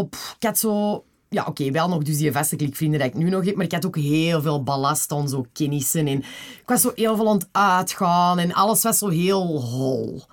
En eh, dat heeft er ook voor gezorgd dat ik zo'n beetje aan het evolueren was in de persoon waar ik mij helemaal niet meer één mee voelde. Het was zo gewoon, maar ja, Sofie heeft een franke teut en dat is een blonde en dat is een knap. En ik had zoiets, oh my god, maar echt dat is totaal niet wie ik ben. En als ik deze blijf verder doen, dan gaat mij dat zo beginnen definiëren. En dat is totaal niet wie ik ben. Kan ik nu zo formuleren. Toen voelde het gewoon niet goed. Kon het toen nog niet benoemen. Dan heb ik mijn, mijn, ja, dus mijn vriend leren kennen. Hè. Ehm, Ja, want hoe gaat het naar Ierland? ja, Eh, hoe- alleen maar door een partner. Want Er anders... zijn veel opties. Ja, als je echt veel groen wilt zien. Eh, nee, dus ja, door hem eigenlijk wel. Want anders eh, het stond mij niet echt op mijn bucketlist van waar ik nog absoluut moest gaan wonen. Misschien wel eens zo'n citytripje of zo, maar zeker niet wonen. Dus ik ben die dan mee naar daar gevolgd. Eigenlijk ook wel gewoon zo van... Ticket out of here. Gewoon, we gaan dat gewoon doen. Ik had toen ook nog niet... Ja, ik had wel een job, maar dat boeide niet. Allee, dus er was zo no strings attached. Dus dat, ging eigenlijk vrij vlot. Daar dan hetgeen ik dan er juist al heb verteld, zo wat beginnen werken en zo. Maar waar hij voor mij dan weer een kantelpunt was, want al mijn kantelpunten zijn emotionele kantelpunten. Ik heb daar gehuild. Dat wilde niet weten. Heimwee. Gelijk zot. Ja, dat kun je ook alleen maar hebben als je dus eens weg van huis gaat. Maar ik had dat nooit gedacht dat ik dat zo hard ging hebben. Maar echt verschrikkelijk. En dan een heel interessant proces. Ehm, ik vond toen dat hij... He had to make up for it. Ik had zoiets van, oké, goed, we zijn hier in Ierland door u. Terwijl ik, achteraf bekeken zoiets heb van, ja, eigenlijk niet. Want allee, die, die heeft mij ook niet ontvoerd naar Ginter. Maar ik had echt zoiets van... Ik heb daar enorm geleerd dat je zelf verantwoordelijk bent voor je geluk. Want je mocht met mij gewoon eten zoveel als een wou. Wij konden zoveel korte vakanties doen. Wij konden zoveel mogelijk dat je dat wou vullen. Van, allee, ben je dan nu gelukkig, ben je dan nu gelukkig? Maar dat, dat gat geraakte niet gevuld. Omdat ik daar gewoon niet gelukkig was. En ik was daar heel ver van mijn eigen. En dan weer heel dicht bij mijn eigen. Omdat je daarover veel begint na te denken. Omdat je zo weggerukt bent uit je, uit je biotoop eigenlijk. Ehm, ik kwam er ook op een leeftijd dat iedereen zo in klikjes van vrienden en vriendinnen zat. En ik was dan zo gewoon de vriendin van. En hij is van Ierland, dus die is dan ja, zo wat homecoming queen zo. En al wie heeft hem bij. Dus ik hoorde er ook niet echt bij. En dan begon ik toch wel te merken van... Oké, ik wil eigenlijk zoals elke mens eigenlijk ook wel gewoon ergens bij horen. En dan begon ik bij mensen bij te horen waarvan ik dacht van... "Goh, er, allee, hier in België zou ik er al niet willen bij horen, maar er was er geen andere optie. Dus, en dan begon ik mijn eigen zo te plooien en te pleasen. Allee, dat was eigenlijk echt een awakening van... deze is het niet. Uh, op carrièrevlak dan wel wat dingen bijgeleerd en zo, want anders had ik dat ook geen vijf jaar volgehouden. Um, en dan zijn wij teruggegaan naar België. En dan is er weer zo'n awakening gekomen van... Allee, ik had het mij toch dan toffer herinnerd wat het was. Dat was dan zo het volgende.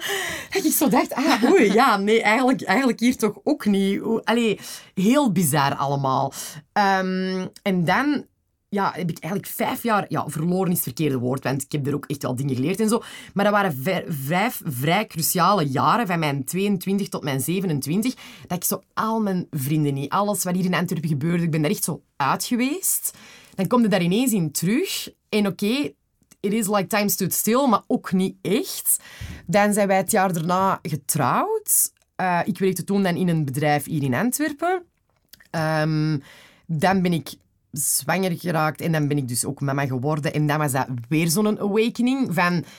Oké, ja, deze is nu de essentie dan, maar waar dat vooral de awakening was. En dat zijn zo dingen waar ik heel hard mee bezig ben. En sommige mensen kunnen dan zo denken van... Oh, je maakt het je eigen allemaal zo moeilijk om over alles zoveel na te denken. Maar ik kan dat ook niet afzetten ik heb altijd een verwachtingspatroon van gevoelens. En als ik die dan niet voel, dan begin ik te panikeren. Dus bijvoorbeeld als ik zeg, dat gaat mij zo ontroeren. En dan zit ik er zo en dan heb ik zo geen enkel traan. En denk ik, oh my god, ik vond dat niet erg. Oh, want ik heb niet geweten. Oh nee, alles is fout. Hè. Niks is in flow of zo. Van, ah, dat ga ik kei leuk vinden. En maar dat is hier helemaal niet leuk. Oh nee, er is iets mis met mij, want dat is hier leuk en ik vind dat niet leuk. Dat heb ik super vaak. Dat ik zo een verwachtingspatroon heb van gevoelens. Ik heb dat niet vaak van, van dingen zo van, mijn job moet dit en mijn huis moet dat. Maar zo, met gevoelens heb ik dat keihard. Zo, Allee, ja, bijvoorbeeld, hè, ah, je gaat dan bevallen en ze geven u dan dat kind en dan... Oh, dat, en ik had echt zoiets... Oh, oh shit, ik voel dat niet. Oh, nee, nee. Ik heb dat niet. Ah, er is iets mis, weet En dan ben ik daar zwart over te stressen. En dan heb ik heel hard gehad met de, met de geboorte van Nathan. Uh, je denkt, hé, want er wordt ook nooit over gepraat. Hè. Dat is gewoon van getrouwd zijn, je hebt dan kinderen en dan heb je een roze wolk. En dan zit de mama. En maar je wordt daar dus totaal niet op voorbereid. Hè? Want ehm, ik heb een bevalling gehad bijna beenhouwerij. Allee, dat was verschrikkelijk. Ja, echt allee, heel veel complicaties. Uh, heel lang verhaal kort. Mijn uh, baarmoederhals um, opende niet. Dus, dus ik had wel opening van onder. Ja, sorry voor de plastische beschrijving, maar het is wel deel van het menselijk zijn. Geboren worden. um, En ik had wel opening, maar dus van uw baarmoeder naar uw opening moet er ook nog een opening zijn. En dat, er was een probleem. Dus op een bepaald moment begon je zijn hartslag te zakken. En ineens was dat zo van, jee, we gaan bevallen. Naar zo van, je voelt die vibe ineens keren. En ze konden ook geen keizersnee meer doen, want je was al een beetje ingedaald. Dus dat ging niet. Dus hebben die er eigenlijk, um, ja, dat had een speciale naam, ik weet het nu even niet meer, uh, met hun ellebogen langs achter echt uitgeduwd, maar met twee mannen. Ja, ik had een epidurale, alle chance, want ik denk dat ik anders wel heel het ziekenhuis ben geroepen had. Maar dus ik heb daar niks aan gevoeld. Maar als ik er achteraf zie op die, op die uh, video, met mijn man was het dan aan het filmen. Allee, bon, dat was echt allee, een bloedbad van mijn kan niet meer. Met Nathan alles oké, maar met mij dus echt totaal niet. Dus ik ben direct moeten geopereerd worden, direct weg. Dus ik ben dan zo wakker geworden. En dan zo, ah, oké, ja, in het ziekenhuis. En zo Ah ja, oké. En dan brengen ze mij zo terug naar de kamer. En ah ja, juist, ja, er is ook een kind. Allee, dat was heel raar. Hoe dat zo'n gebeurtenis, hoe volledig kan disconnecten van het feit dat je juist een kind op de wereld hebt gezet. En dan is er eigenlijk de één complicatie na de andere gekomen. Ze kregen die bloedingen niet gestopt. Allee, dat was een gedoe. Ik lag er op intensive care. Met dan ook Nathan bij mij. Die dat zoals elke baby, om de drie uur begon die te wenen, die moest dan papjes krijgen. En eerlijk, mijn gevoel toen, en ik heb mij daar zo lang over geschaamd, en mijn gevoel was gewoon altijd kind weg, ik wil gewoon slapen. Please, haal die gewoon weg. Ik moet... Ik ben even in survival modus. Ik kan nu niet zorgen voor die andere. En dat loopt in keiveel dingen in je leven komt dat ook. Je kunt niet zorgen voor iemand anders als je niet eerst voor je eigen kunt zorgen. En dat was daar echt zo op een oermanier dan echt allez, zo aanwezig. Um, dan uiteindelijk, omdat ik dus op intensive care lag, waar dat totaal geen afdeling is, waar ze ook voor een baby kunnen zorgen, was dus constant het ding van, die moet terug naar de materniteit. Want we moeten voor die baby kunnen zorgen en voor haar als mama, maar op de materniteit kunnen we ook de zorg niet geven van de intensive care. Dus het was ofwel niet genoeg zorg voor Neten, ofwel niet genoeg zorg voor mij. Dus allee, ik heb daar dus een maand gelegen. Maar echt waar, je gaat daar zo naartoe met je doopsuiker en cadeautjes en ik was gewoon al van, ja, en ik heb die pyjama, want misschien naar mijn haar goed. En ik was eigenlijk echt zo van, oh, en ik kan bezoek hebben en ik kan die cadeautjes uitdelen en ik kan champagne drinken. En, oh, dat was er gewoon de hel. Ehm, en ik, ja, ik voelde mij ook keislecht. Ik moest dan aan een morfine pompen, waardoor ik dan geen borstvoeding kon geven. Dus ik had ook zoiets, allee, dat mislukt dat ook nog. En alles kelderde gewoon. En er komt dan nog bovenop, ik ben dus extreem claustrofobisch. En ik heb daar dus een maand in een bed gelegen. Ik heb mijn geest daar zo hard moeten trainen van... Ik lig dat bed, kan niet uit dat bed. Ik mag niet uit dat bed, kan niet uit dat bed. Ik ook heel veel bang voor naalden. Ik had er constant om de vijf minuten een andere bakster, weer bloed trekken, weer... Dus ik moest heel de tijd zo dingen overwinnen. Heel de tijd er ook zijn als mama. Allee, dat was verschrikkelijk. Dan komen wij thuis met eten.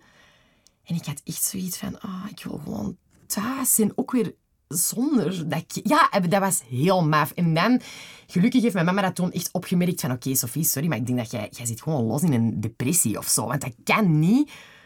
Ik, ja, ik durf dat echt bekend niet zeggen, hè, maar het is wel gewoon... Ik voelde niks voor mijn kind. Maar echt niks, hè. Dat was echt zo van...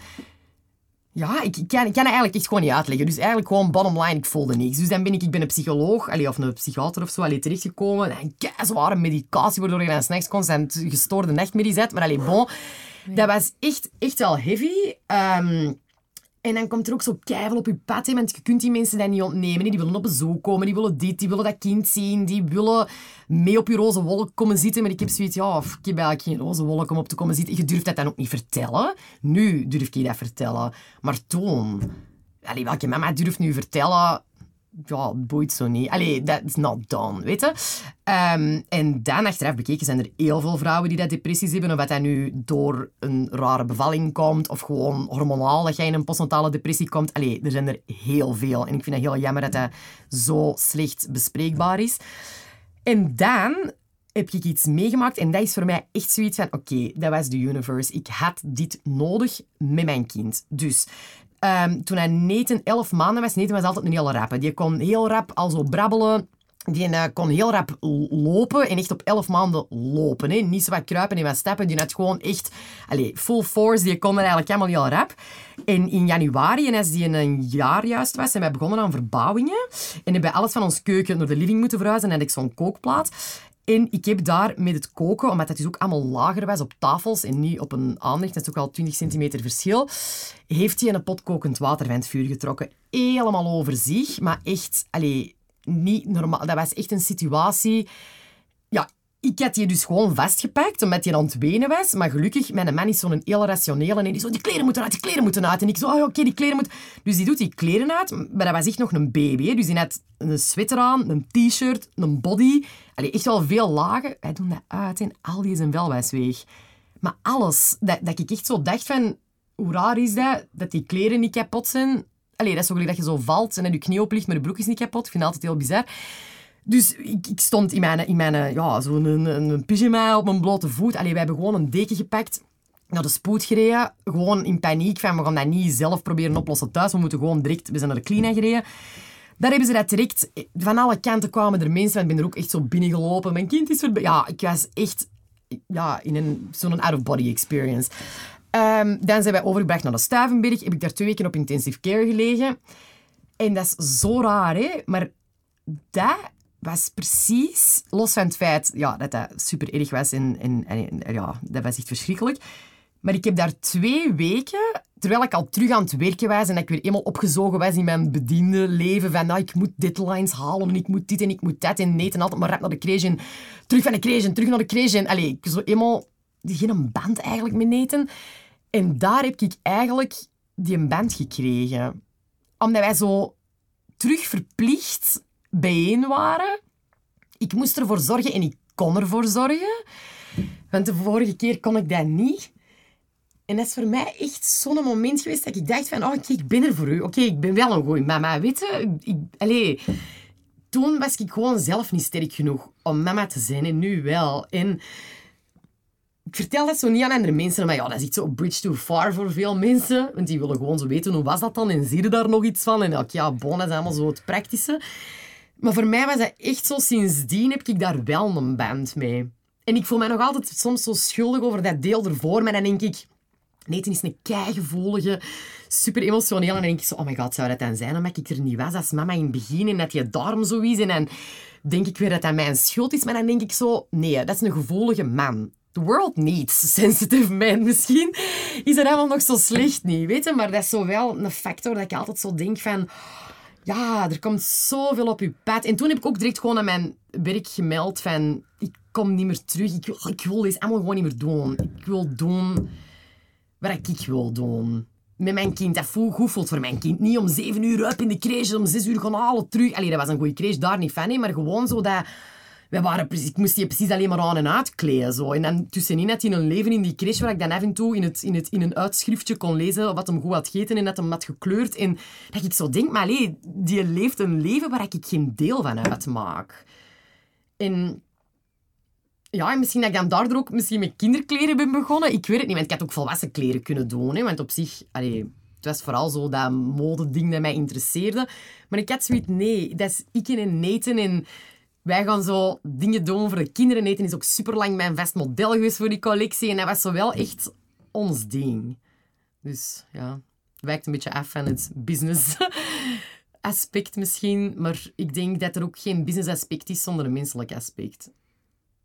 Maar je denkt wel om het te delen. Wow. Ja, het is wel deugd om eens te vertellen. Ik kan dat nu ook makkelijker vertellen, omdat ik er nu al veel heb over... Dat is ook al lang geleden, dat is ondertussen al acht jaar geleden. Hè? Maar het is toch nog iets waar ook af en toe nog eens in mijn gedachten komt, dat ik zo denk van, oh, ik heb het misschien toch nog niet helemaal geplaatst, maar moet dat ook, denk ik dan. Ik denk niet dat alles per se geclasseerd moet worden. Ehm, eh, het komt super hard binnen. ik Oh, heb ja. zelf zo lang... Het heeft zo lang geduurd voordat ik kon binden met mijn kind. En dat wordt zo weinig uit. Zot, hè? Maar en nu is dat fe- fenomenaal. En ehm, wat dat wel super... eh of wat dat heel... Want ik hoorde nog zeggen van... eh, soms voel ik mij er nog schuldig over, over dat begin. Er heeft iemand eh, ooit tegen mij gezegd van... eh, wat als je er dan zou kijken van... Als kind kiest je ouders om daar samen een bepaalde weg mee af Dat is te wel de leggen. profeet, hè? Ja. ja. I kind of like it. Ja, ik ken ook. Want naar mijn eigen ouders toe dan, die dat echt fantastisch zijn, maar waar ik ook een hele, allee, een hele reis mee heb meegemaakt, ehm, kan, ja, helpt dat gewoon met dat zo super hard te verzachten. Dus, eh, Dat is eigenlijk, hè. Ik denk dat ook dat alles... Allee, zo alles meant to be. Ik bedoel... Dat is wel gewoon, denk ik. Nee, maar Sophie, dank Oh. u. dank u om het te delen. Dank u, Oh. dank u. Gedaan. Ik denk dat je daar veel mensen mee heelt. Ik denk dat veel vrouwen, dat, en mannen ook, hè, maar ik denk dat veel vrouwen er baat zouden bij hebben om af en toe eens even gewoon... Laat gewoon eens binnenkijken. Allee, iedereen heeft zoveel dingen. En dat is ook zoiets dat ik... Ik word dan geïnterpreteerd als een sterke en een krachtige, maar ik denk dat ik eigenlijk gewoon een sterke en een krachtige ben, en dat ik ook niks mis vind met... Want ik vind deze ook geen vertel eens over een zwak punt. Nee, het is gewoon iets dat gebeurd is in mijn leven. Allee, snap je? Ik heb zoiets... Alles is een reis. En ja, you win some, you lose some. Soms gaat het goed, soms gaat het slecht. En Maar de kracht is wel uw veerkracht erna natuurlijk. Want dan kun je inderdaad de keuze maken om in uw zeilboot te gaan Ja. zitten in de ja, kajuit. ik had heel lang kunnen sobben en treuren en whatever over van oh, en dat moet mij overkomen en, oh, en dit en dat. Maar zo ben, ben ik eigenlijk niet. Dus dat is ook iets dat nooit, zelfs niet even Nee, geen slachtoffer eh, Nee, ik ben altijd, en dat is eigenlijk ook niet altijd goed, hè, maar ik kan, ehm, dus ik kan goed in mijn emotie gaan. Dus als ik iets erg vind, dan heb ik vaak soms dat ik denk van, nu ga ik ook nog dat soort muziek opzetten, want ik wil het echt erg vinden. Ik wil echt echt even verdrinken voelen. in deze gevoel. Ja, zo. Of als ik kwaad ben, dat ik echt zoiets heb, ja, en dat en, oh, en dan niet zo, ik wil dat niet altijd onder tapijt vegen. Ik vind dat heel, ja, leuk is dat weer het verkeerde woord, hè, maar ik vind dat interessant om vol een bak in iets te gaan, of dat je dat nu wilt voelen of niet. Want ik wil niet dat niet voelen. Nee, nee, want dan komt het achteraf toch Ja. terug om u te Ja. Maar dat is, hè, ze zeggen dat toch, hè, zo van, if, wacht, hè. If you don't fix where you're hurt, you bleed on the people that didn't hurt you. En dat is gewoon. Je moet gewoon... Dat is echt je verantwoordelijkheid, vind ik. Want als ik ongelukkig ben en ik begin aan de bitch uit te tegen iedereen omdat ik ongelukkig ben, dan heeft iedereen daar zo het effect van. Dan word ik ook weer ongelukkig, want ik wou eigenlijk niet zo doen. Eh, Dus soms kun je beter gewoon Ja, en ook als dat niet lukt, nap it out. Dat doe ik kei vaak. Kon gewoon slapen. Maar even een dag is deze. Kon gewoon slapen, want die kan deze toch niet handelen. Dan kun je beter gewoon iets doen dat er niks mee te maken heeft. Als je zo op je werk bent en je voelt echt van, mij, vandaag gaat het echt niet gebeuren, het is echt geen productieve dag, whatever, dan kun je beter denken, oh, het is goed weer, ik kon een ijsje eten in de zon, boeien, doe dat morgen wel. Want je, sommige dingen, ja, ik vind, je moet zo embrace the moment. Of het dan nu een emotie is, of een gevoel van die een dag, you're entitled to it. Allee, je kunt toch niet constant zo'n gespannen boog zijn, constant... Daar worden doodongelukkig van, denk ik. Absoluut. Can't agree more. Ehm wacht, nu denk ik even... Oh, gewoon maar wenen. Gewoon maar wenen. Ehm, ik ga het even wat lichter maken. Ja. In L ehm zei je een tijd geleden dat je het niet direct hebt voor het woord, voor het woord girlboss of momboss of boss lady. Veel te vermoeiend, Ja. las ik daar. Staat er daar nog zo tegenover? Ja, een beetje wel. Vooral voor die benoeming. Want ik vind ook zo, oh ja, girlboss. Ja, oké, wauw. Is het dan zo wauw dat een vrouw dat ook kan? Ik vind dat normaal. Weet je, je zegt ook niet van, oh, he's a real man boss. Nee, dat zijn gewoon... ja, want dat zijn Dat gewoon een boss. wel, ja. ja, dus eigenlijk Misschien is moeten een... we daarmee beginnen. Ja, inderdaad. hier We hebben geen echt een manbaas. Een manbaas. Nee, maar ik heb zoiets van, oké, dus als je dus... Dat, dat maakt eigenlijk dat het woord boss mannelijk is, of... eh, ik vind dat niet. Ja, want waarom moet de ander dan girlboss noemen? Ik zie gewoon een boss. Ja, nee, sorry, maar ik heb zoiets van, je moet, waarom moet dat nu zo? Dat bedoel ik eigenlijk. Ik vind dat dat heel veel druk ligt op zo van, wat maakt u dan een girlboss? Ja, dus ik vind, als jij kiest om je huishouden te runnen en you run it like a boss, niet een girlboss, maar gewoon een boss, dan zit er ook een girlboss. Mensen doen altijd zo precies aan een girlboss, dat dat zo... Dat dat zo feministisch is en zo van ik vecht voor gelijk dit en ik vecht... Nee, wij zijn al sowieso allemaal gelijk, vind ik. En, en dat, dat, dat vertaalt zich in zoveel. Bijvoorbeeld, als een man een week weggaat, dan, ja, die vrouw die regelt het gewoon, hè.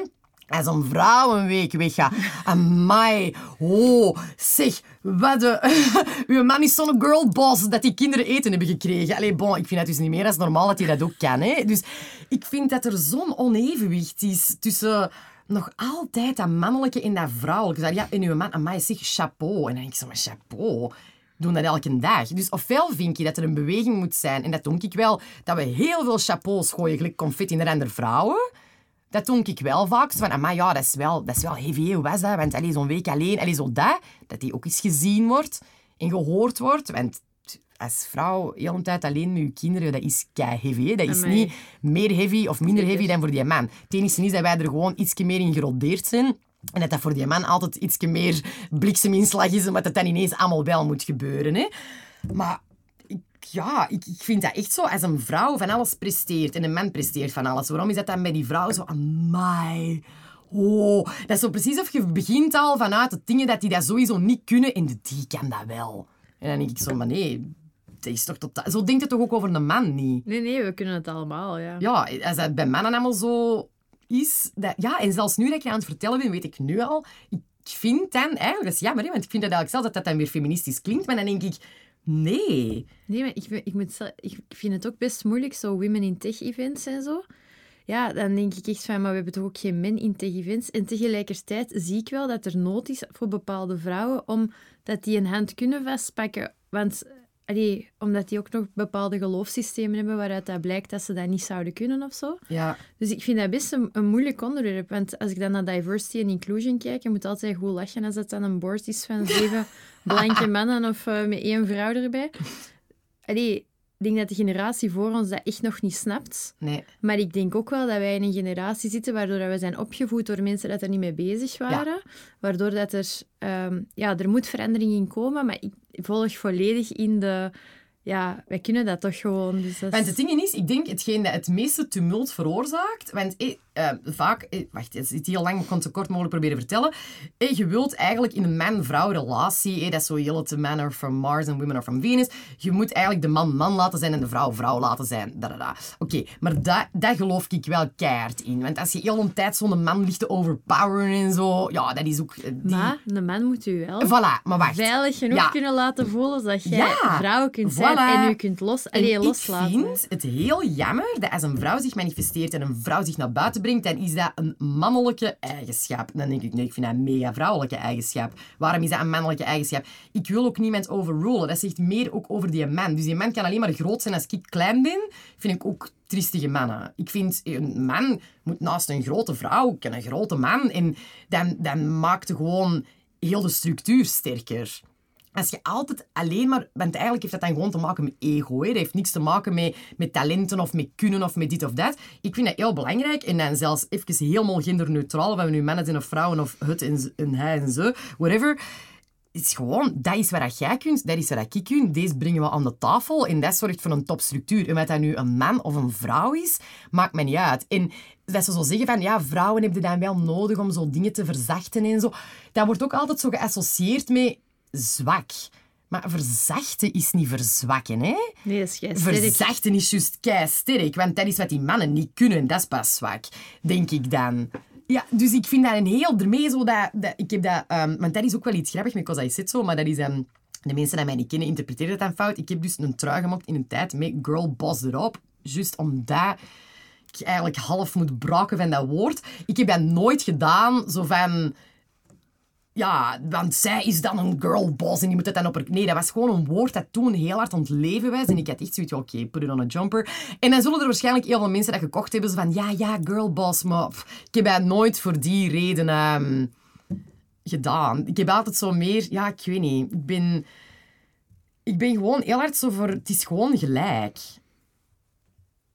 En als het dan inderdaad zou moeten zijn dat het gelijk vroeger is van nee, de man is de man en de vrouw is de vrouw, oké, be my guest is goed. Ik zal ik patatten schillen, breng jij al het geld binnen. Maar dat is ook niet. Dus ja, je moet als vrouw financieel bijdragen, maar je moet dan wel heel het ridder en prinsesverhaal spelen als het dan uitkomt voor die man. Ja, nee, want ik kan niet in een carrière hebben en niet om taartjes bakken. Hè? Allee, doe ik wel graag. Maar ik kom maar zeggen... Je I kunt, can do both. Ja, maar je kunt niet de hele tijd kiezen. Ze deden toch zo vaak ook in relaties dat, dat sommige mannen... Ik ga nu even zooien, want het is bij vrouwen ook, maar ik spreek nu als vrouw over een man. Dat die zo zeggen, ja, maar de die, die doet wel dat en die doet... En dan denk ik, ja, oké, maar nu haalde jij weer zo één spie uit die taart. Wilde jij heel die zijn taart? Nee. Jij wilt dat spieken, maar die heeft keihard andere dingen in zijn leven dat jij dan wel allemaal voor elkaar hebt. En ja, juist dat niet. Je moet altijd volledig vergelijken. Ja, want je kunt niet elementjes vergelijken. En dat is waarom mijn social media ook zo gevaarlijk is. Omdat je heel een tijd elementen vergelijkt. Maar niet het volledige geheel, hè? Nee, dat is absoluut. absoluut. Er verliezen veel mensen zich wel in, denk ik. Ja, vandaag zeker, hè? Maar... En je ziet zo, zie ik wel verschillende bewegingen. Dan langs de ene kant hebben mensen meer nood aan echtheid.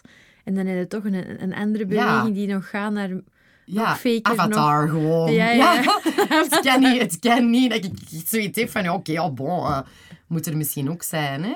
Ja, ja. Ja, ik kan dat ook niet ontkennen dat als ik s morgens opsta en ik of juist fris uit mijn bed kom, dat ik misschien ook liever een foto met een filter zou trekken ja, dan... Uh... maar dat is weer het ding dat ik zo bedoel. Dat vind ik allemaal niet nep. Als ik iemand omschrijf met nep... Oh ja, weet je, als je ik zeg maar iets, hè. als je geen borsten hebt en je wilt borsten, oké, fine, go for it. Als je um, mega tandvlees hebt, als je lacht, ja, je kunt dan je lip laten opspuiten en dan je dat niet meer. Go for it. Als je je dan beter voelt, whatever. Maar er zijn zo bepaalde dingen dat ik zo denk, ja, je hebt fake en je hebt fake. Ik vind fake is de wereld laten zien die niet echt is. Je eigen laten zien met een filtertje. Ja, ik heb ook vaak... Ik soms zo denk van, oh, ik moet weer wat content hebben voor Cause I Sit zo. Ik moet een filmpje maken. Hè. En dan heb ik altijd, dan moet ik altijd mee lachen. Dan denk ik zo, er zijn twee opties. Ofwel zie ik er keigoed uit en kloppen de kleuren van mijn kleren niet op mijn video. Ofwel ga ik voor mijn product en ik laat het gewoon los. Dat ik ook maar gewoon een mens ben. En ja, ik heb wallen. En als ik daar zo dichter bij mijn camera kom, heb ik dan de drie dubbel kin en zo. Maar het gaat wel over mijn kleren. Als de mensen naar die video van Kota zo willen kijken voor mij, ja, ik doe dat niet voor mij. Dus ik wil mijn product laten zien. Het gaat niet over hoe dat ik eruit zie. En ik wil natuurlijk, gelijk elke vrouw, ja, je wilt er wel goed uitzien, maar...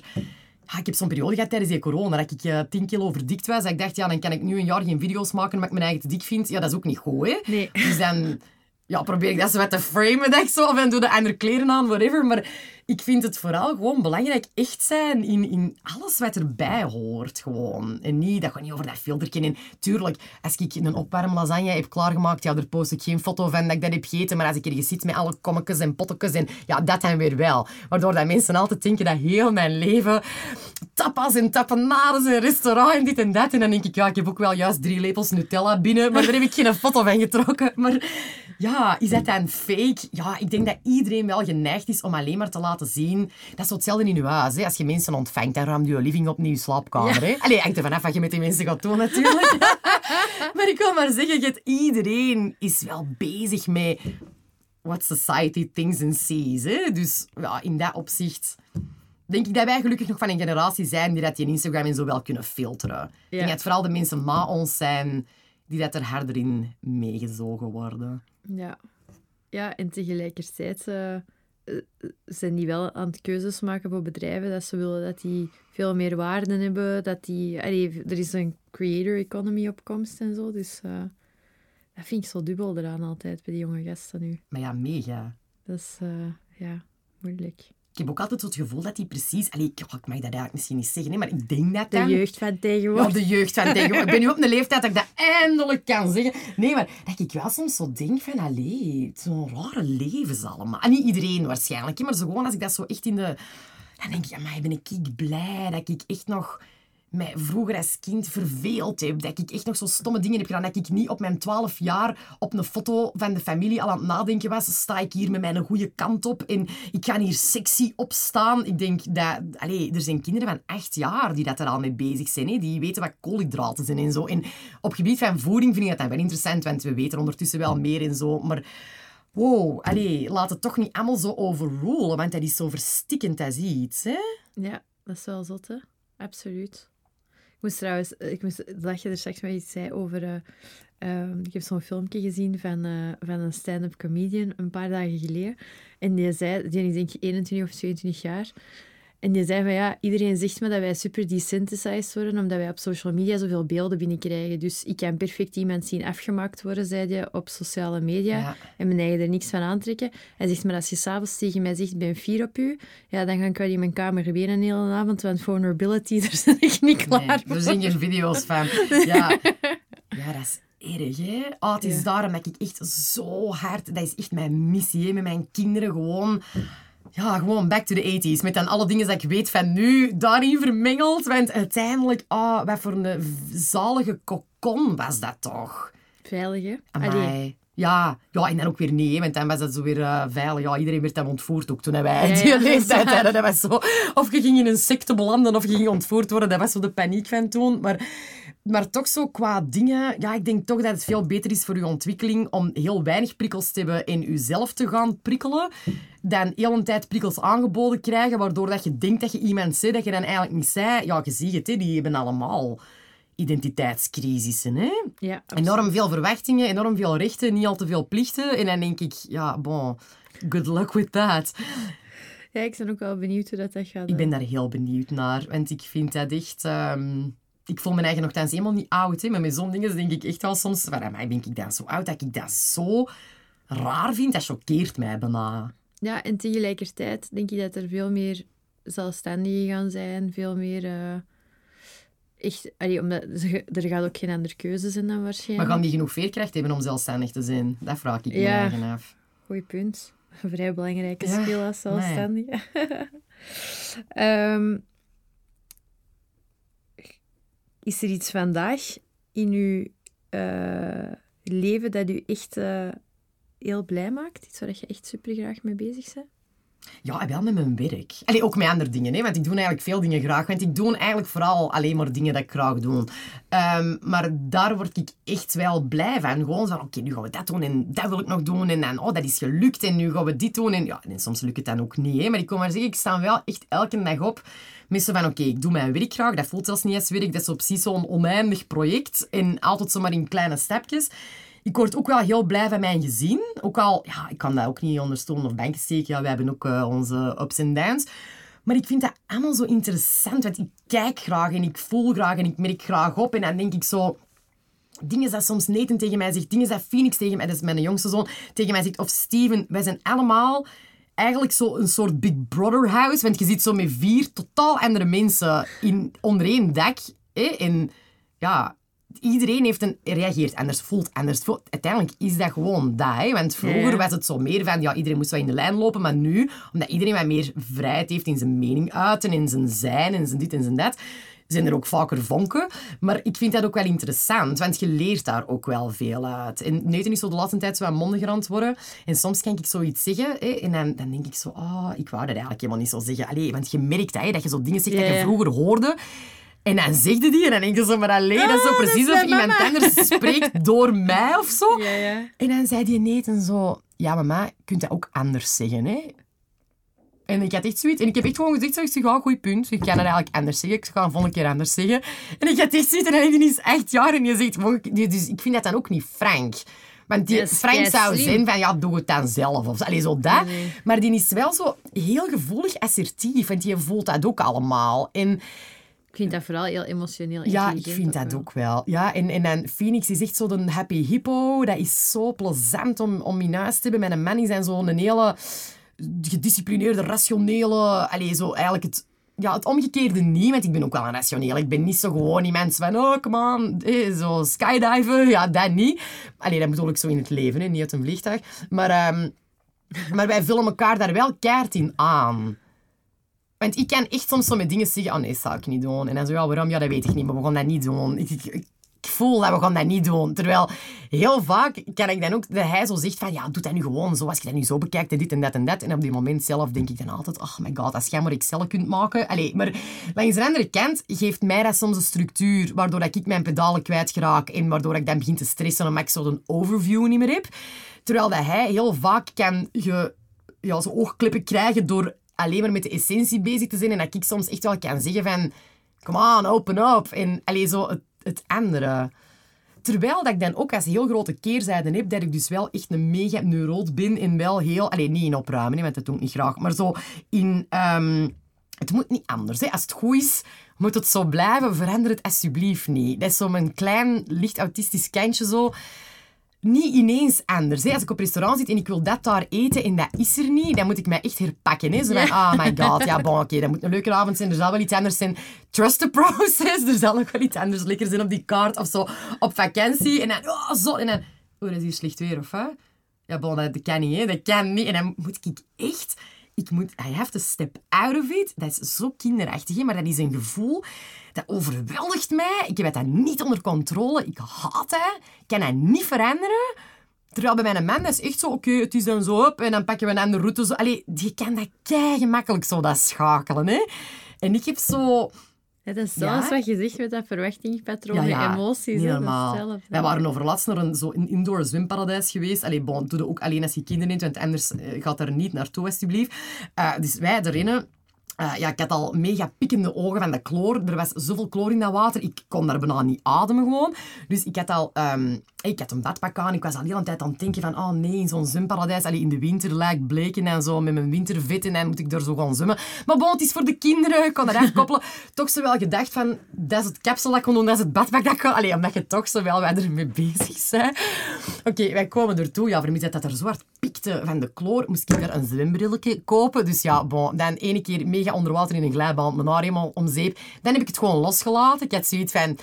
Gonna look like shit, fine, maakt niet uit. De kinderen Iedereen vinden het daar. leuk. Ja, dat viel eigenlijk heel goed mee. Ik was er eigenlijk echt wel vrij oké als ik Ja. zo... Allee, de, de massa zag dat daar zat. Maar dus, Nathan had nog nooit naar een zwembad zo geweest. Ja, Phoenix natuurlijk ook niet. Maar Nathan was wel op een leeftijd voor die glijbanen en bla bla. Ik had dat bedacht om daar naartoe te gaan. Ik had dat gepland, gelijk dat vaak in gezinnen de mama waarschijnlijk wel zo de activiteiten moet plannen en zo. En ik was zoiets van, ik ga met Nathan die grote glijbaan doen. Maar dat is zo voor de eerste keer. En ik wil die zo tussen mij pakken en samen naar beneden. En dat hij zo altijd gaat denken... Allee, nu niet forever, maar je weet wel Ja, wat ja. ik bedoel.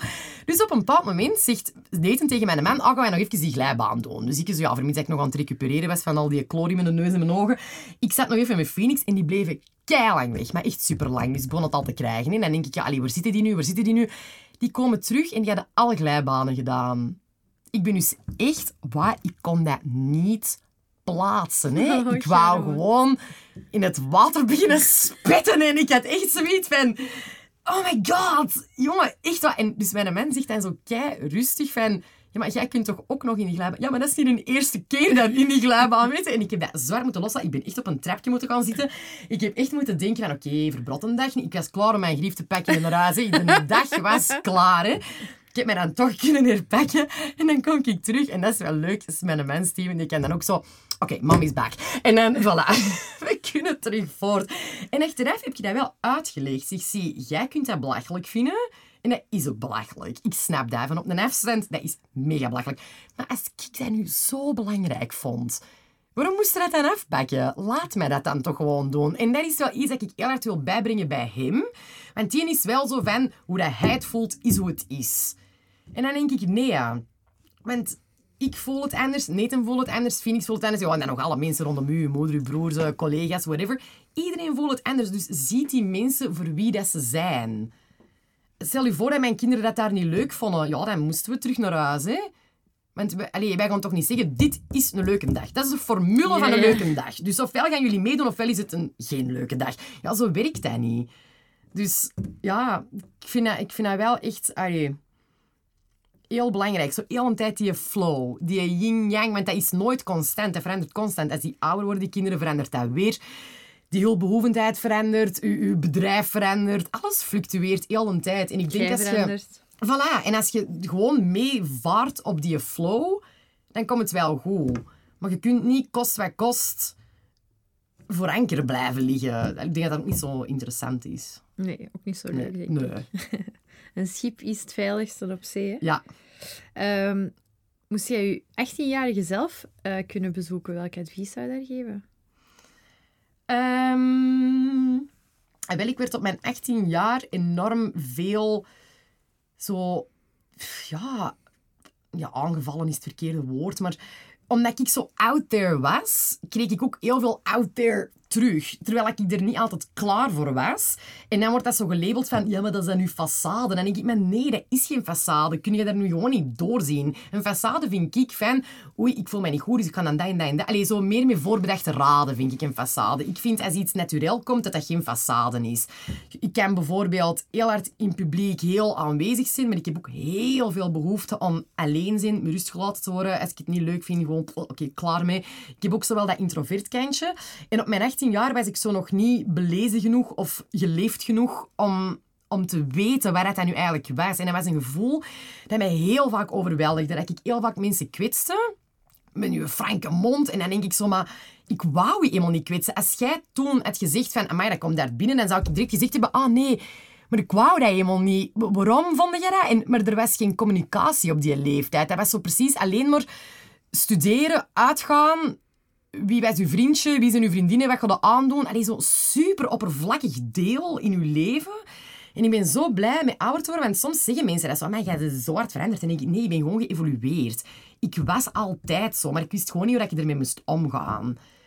En ja, dat, dat heeft voor mij heel lang gezorgd voor... Ik ben zoveel weg geweest. Ik heb ook twee jaar in een discotheek gewerkt. Gewoon, maar dat was zo precies mijn vluchtoord. Zo, ik voelde mij er enorm vrij. Muziek keihard, dat ik al niet moest babbelen, want ja, die ja, feilbaar dan je stem kwijt. Gewoon amuseren, plezant. Niet moeten engageren, niet babbelen, niet... Want elke keer als ik zo met mensen connecties of zo moest hebben, was dat... Ik werd altijd zo wel wat uitgespuwd. Zo, ze vonden mij altijd wel grappig en plezant en leuk om erbij te zijn en heel straffe verhalen, maar zo... Ik voelde mij zo nooit echt ergens bij. En dat is heel raar, want ik had ook altijd het gevoel van, ja, ik wil er niet bij horen. Maar misschien was dat een beetje zo defense mechanism, zo van, is dan gemakkelijker om, om het te haten dan het toe te geven. Ja. dat je niet moet meedoen, zo, weet je. Maar En wat Ja. zou u dan uw eigen dan vertellen met die info? Ja, luistert wat meer naar uw eigen. Laat u niet hard beïnvloeden. Ehm, ja, trekt u alles niet zo hard aan of zo? Ja, wel, nee, want ik trok me dat niet aan. Ik was eigenlijk zo'n beetje nom geworden daarvan.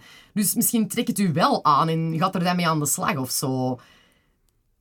Ja, ik, heb, ik heb zo echt wel een vrij rare periode gehad. Ook met mijn ouders, zo, nog wel een zware puberteit gehad. En zo, die begrepen mij niet. En, en ik kan ook niet zo goed... Dat kan ik nu wel, maar kon ik toen echt niet. Ik kan heel moeilijk ehm, kwetsbaar zijn.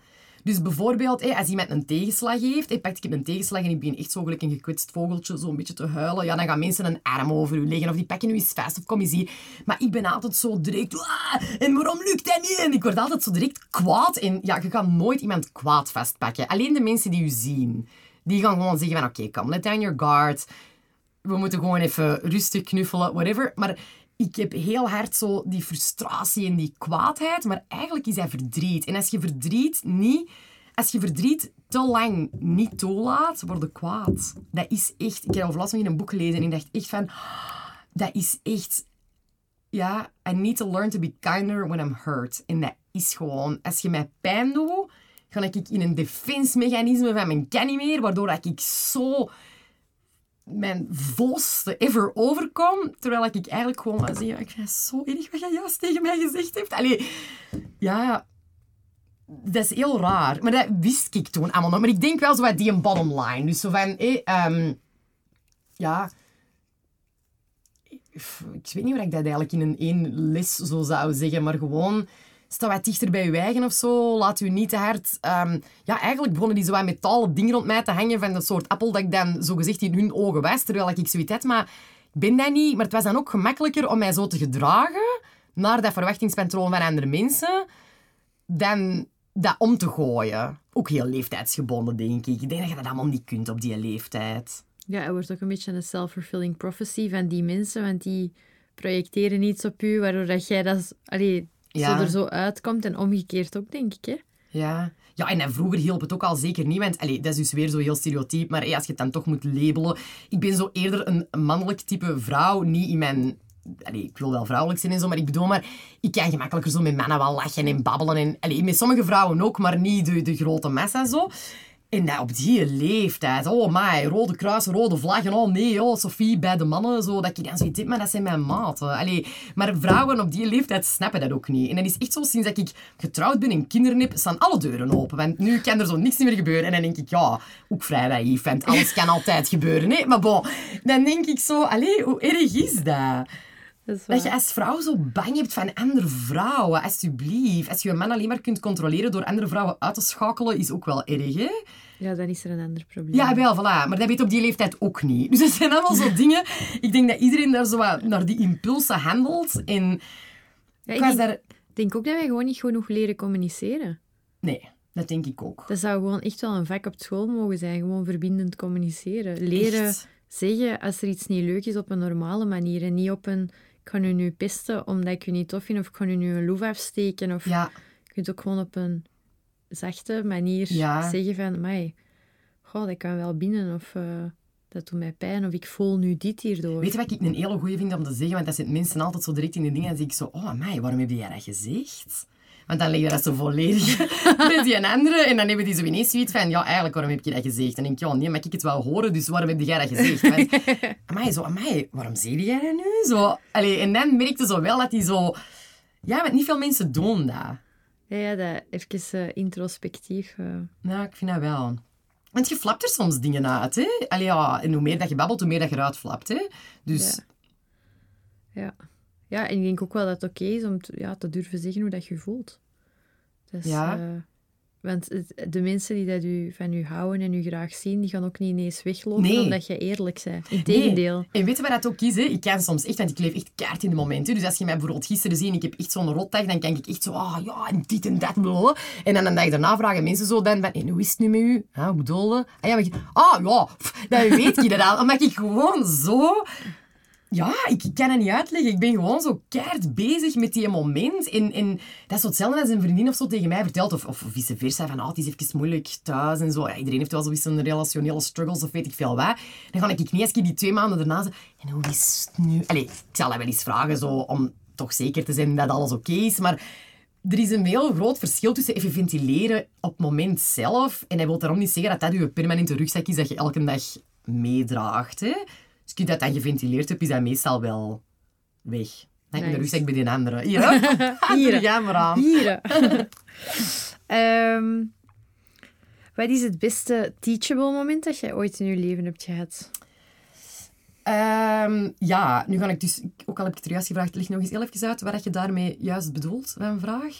Uh, als je een keynote ergens zou gaan geven, of als iemand met je praat over je leven en je zou zeggen van, oh, deze is echt iets dat, dat ik zou doorgeven? Um... Ah ja, oké. Ik denk uh, ook privé in business. Ik vind een hele belangrijke.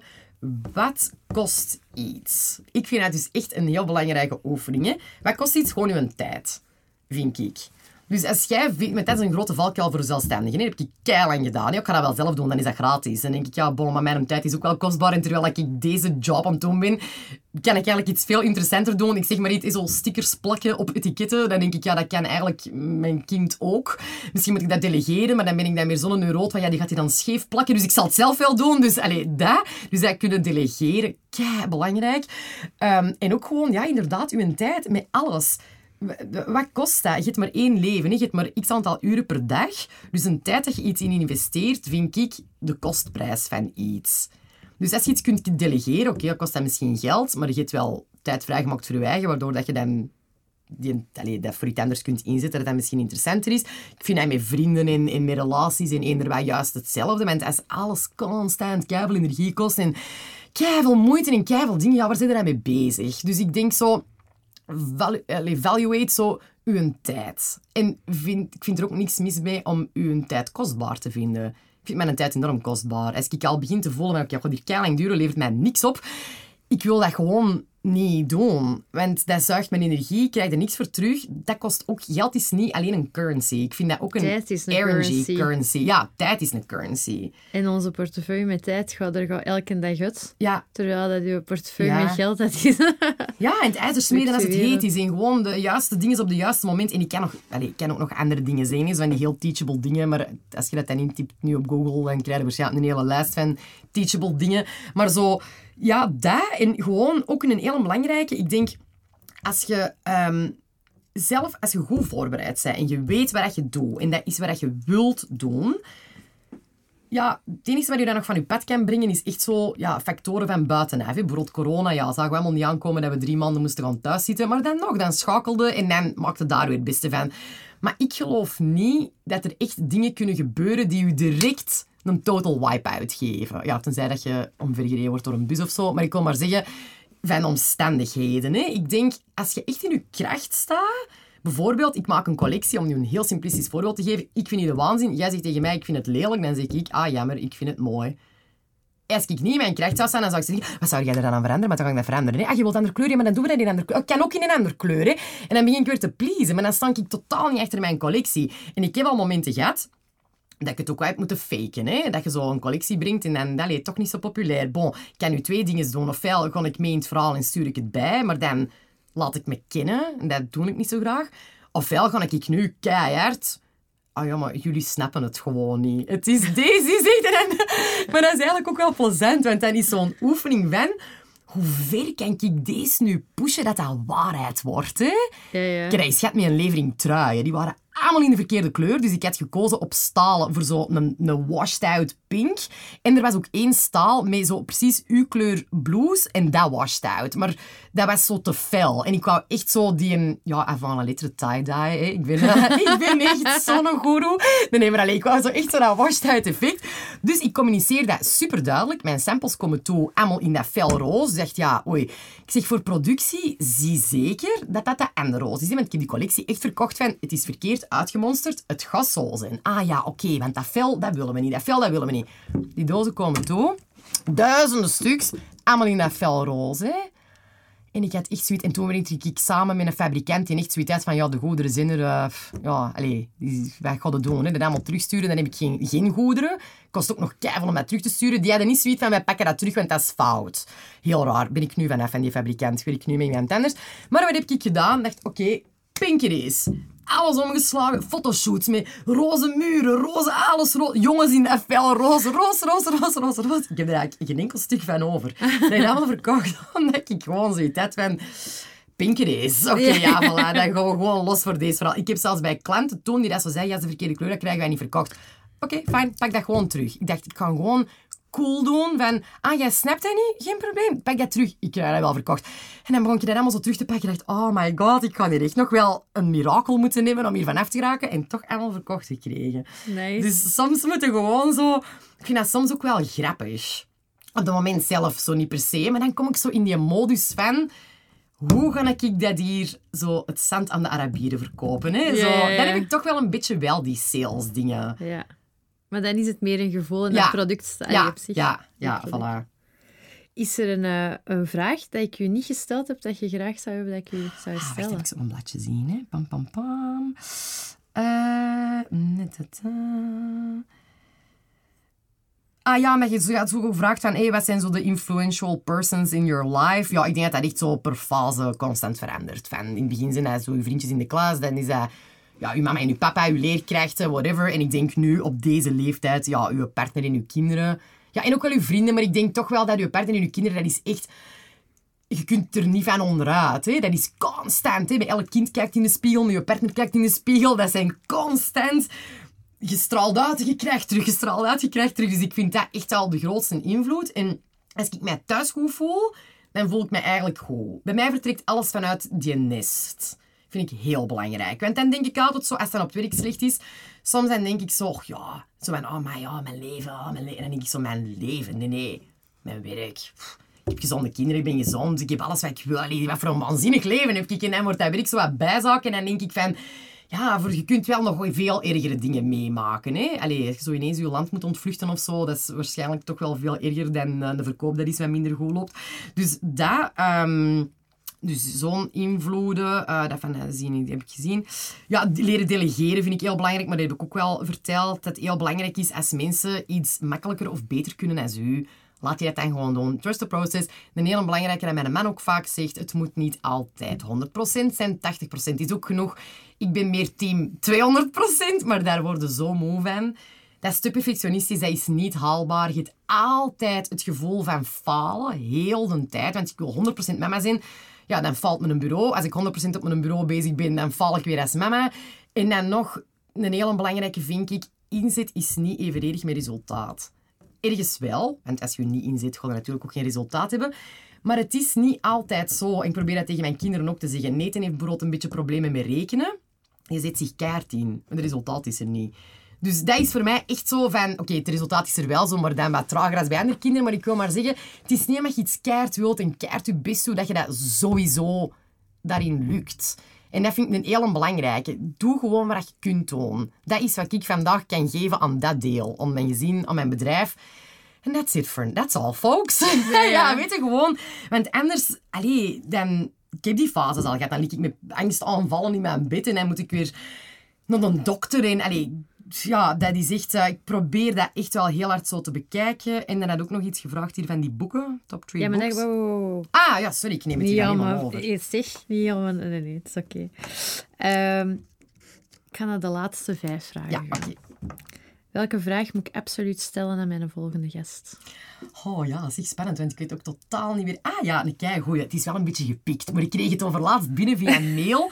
want ik ben zo ingeschreven op die nieuwsbrief van Esther Perel. En ik vond dat een kei, kei... Ik heb daar echt zelf mee aan de slag gegaan.